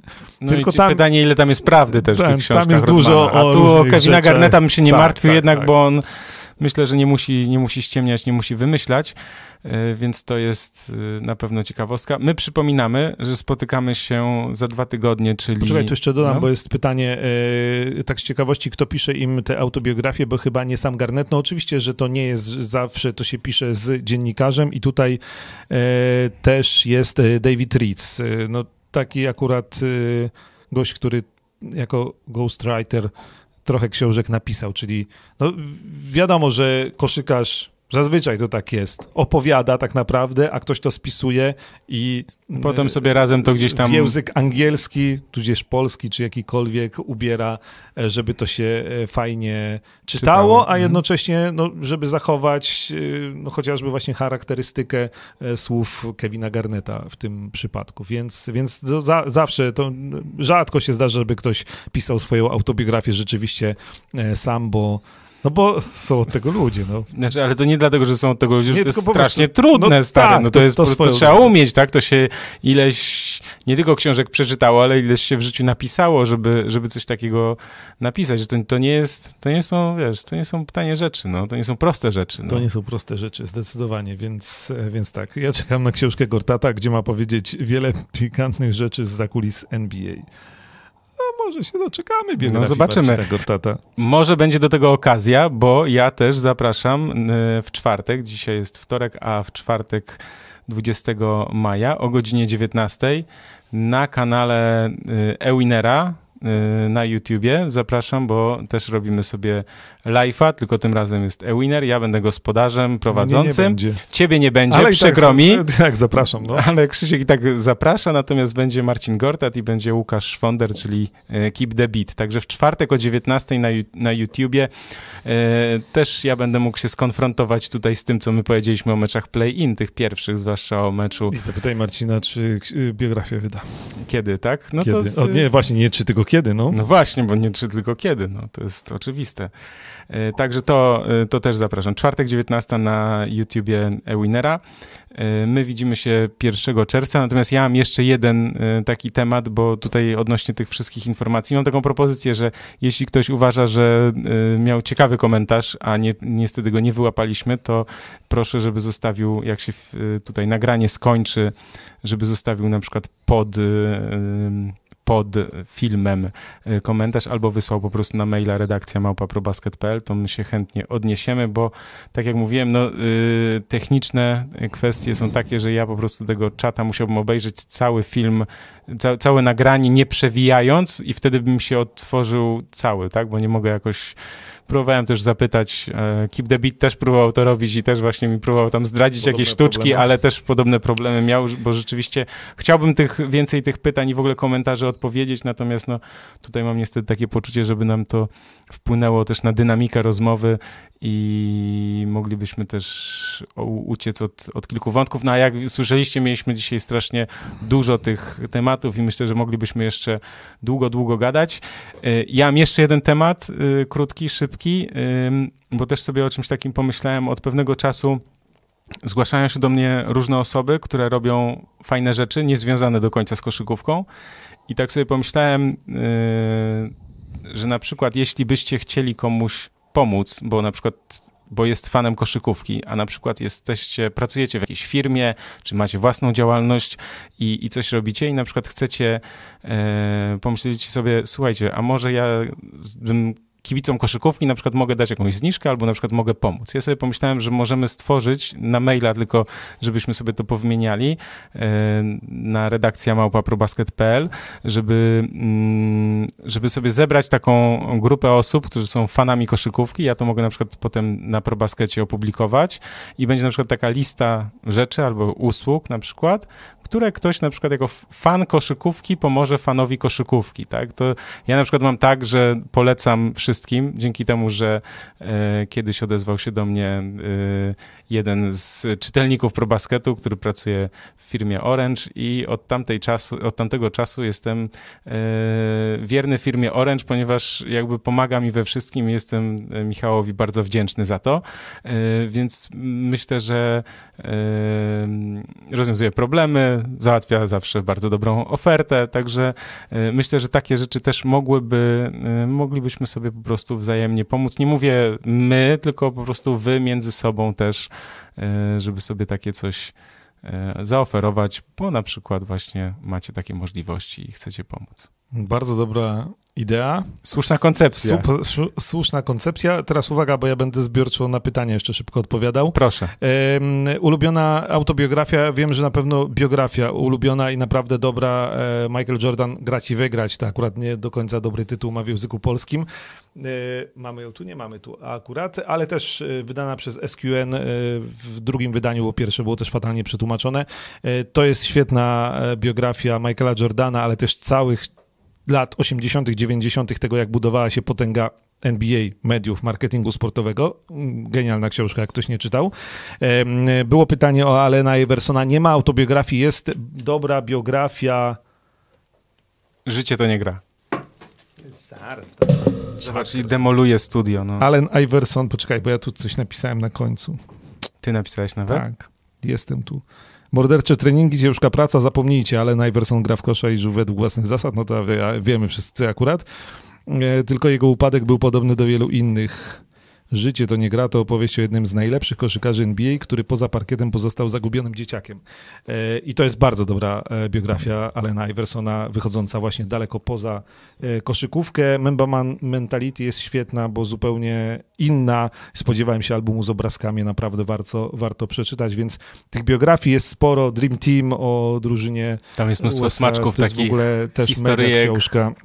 Jest, jest trochę fajnych, fajnych biografii. Ja bardzo, na, ja na przykład bardzo cenię 11 pierścieni Phila Jacksona. Tak, ale to właśnie Michał Rutkowski mówi, że to najtrudniejsze do przetłumaczenia, że Phila Jacksona tłumaczyć jego filozoficzne zapędy, to jest w ogóle kosmos, yy, więc, więc to na pewno była Phila Jacksona najtrudniejsza, Michała Rutkowskiego najtrudniejsza rzecz, ale myślę, że dużo, bo i Larry, i Magic, tak jak tu patrzę, Shaq, miał, o Shaka się dowiedziałem, że yy, on nie pije kawy, bo Afroamerykanie podobno kawy nie piją, tam jest taka teoria w ogóle, więc e, różnych e, ciekawych rzeczy, natomiast, natomiast jest trochę tych fajnych książek. Mów jeszcze, bo ja czegoś szukam. Dobrze, bo ja jeszcze o piłce Spaldinga, bo zapomnieliśmy. Mieliśmy A. pytanie od Marcina Pankowskiego, ale e, powiem szczerze, że e, zapomnieliśmy, ale przygotowałem się e, trochę. Proszę. e, z piłki Spaldinga, natomiast szczerze to e, ja się nie doszukałem nowych informacji. Znaczy wiemy dalej to, co wiedzieliśmy, kiedy e, Spalding odchodził, Wilson wchodził, to tak naprawdę wydarzy się od nowego sezonu, ale kontrakt jest podpisany.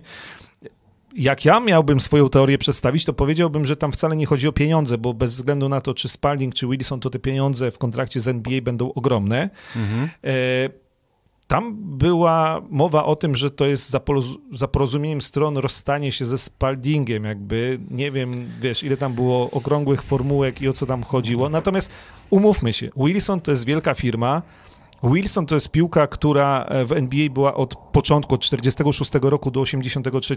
Oczywiście My wszyscy Spaldinga kochamy i pamiętamy, bo to są te lata NBA, od kiedy my się nią interesujemy do dzisiaj, od 84 roku do dzisiaj jest, jest Spalding. Mhm. Ale teraz wraca Wilson. Spalding, no, siłą rzeczy musi na tym trochę, trochę tracić. Że Spalding ma, e, wiesz, no, miał już taki moment, że miał Euroligę, Eurocup, e, NBA. No, Euroliga zostaje, znaczy NBA jest ciągle, moim zdaniem, jak miał, byłbym właścicielem producent, znaczy firmy produkującej piłki, to chciałbym, żeby NBA nie grała, no ale okej. Ja myślę, że po prostu y, ktoś zaoferował takie pieniądze, że Spalding powiedział, może. że wow. No więc, więc zobaczymy. Nie, nie znam szczegółów. Zobaczymy, ile e, będzie trwał ten deal. Natomiast jedna ważna rzecz.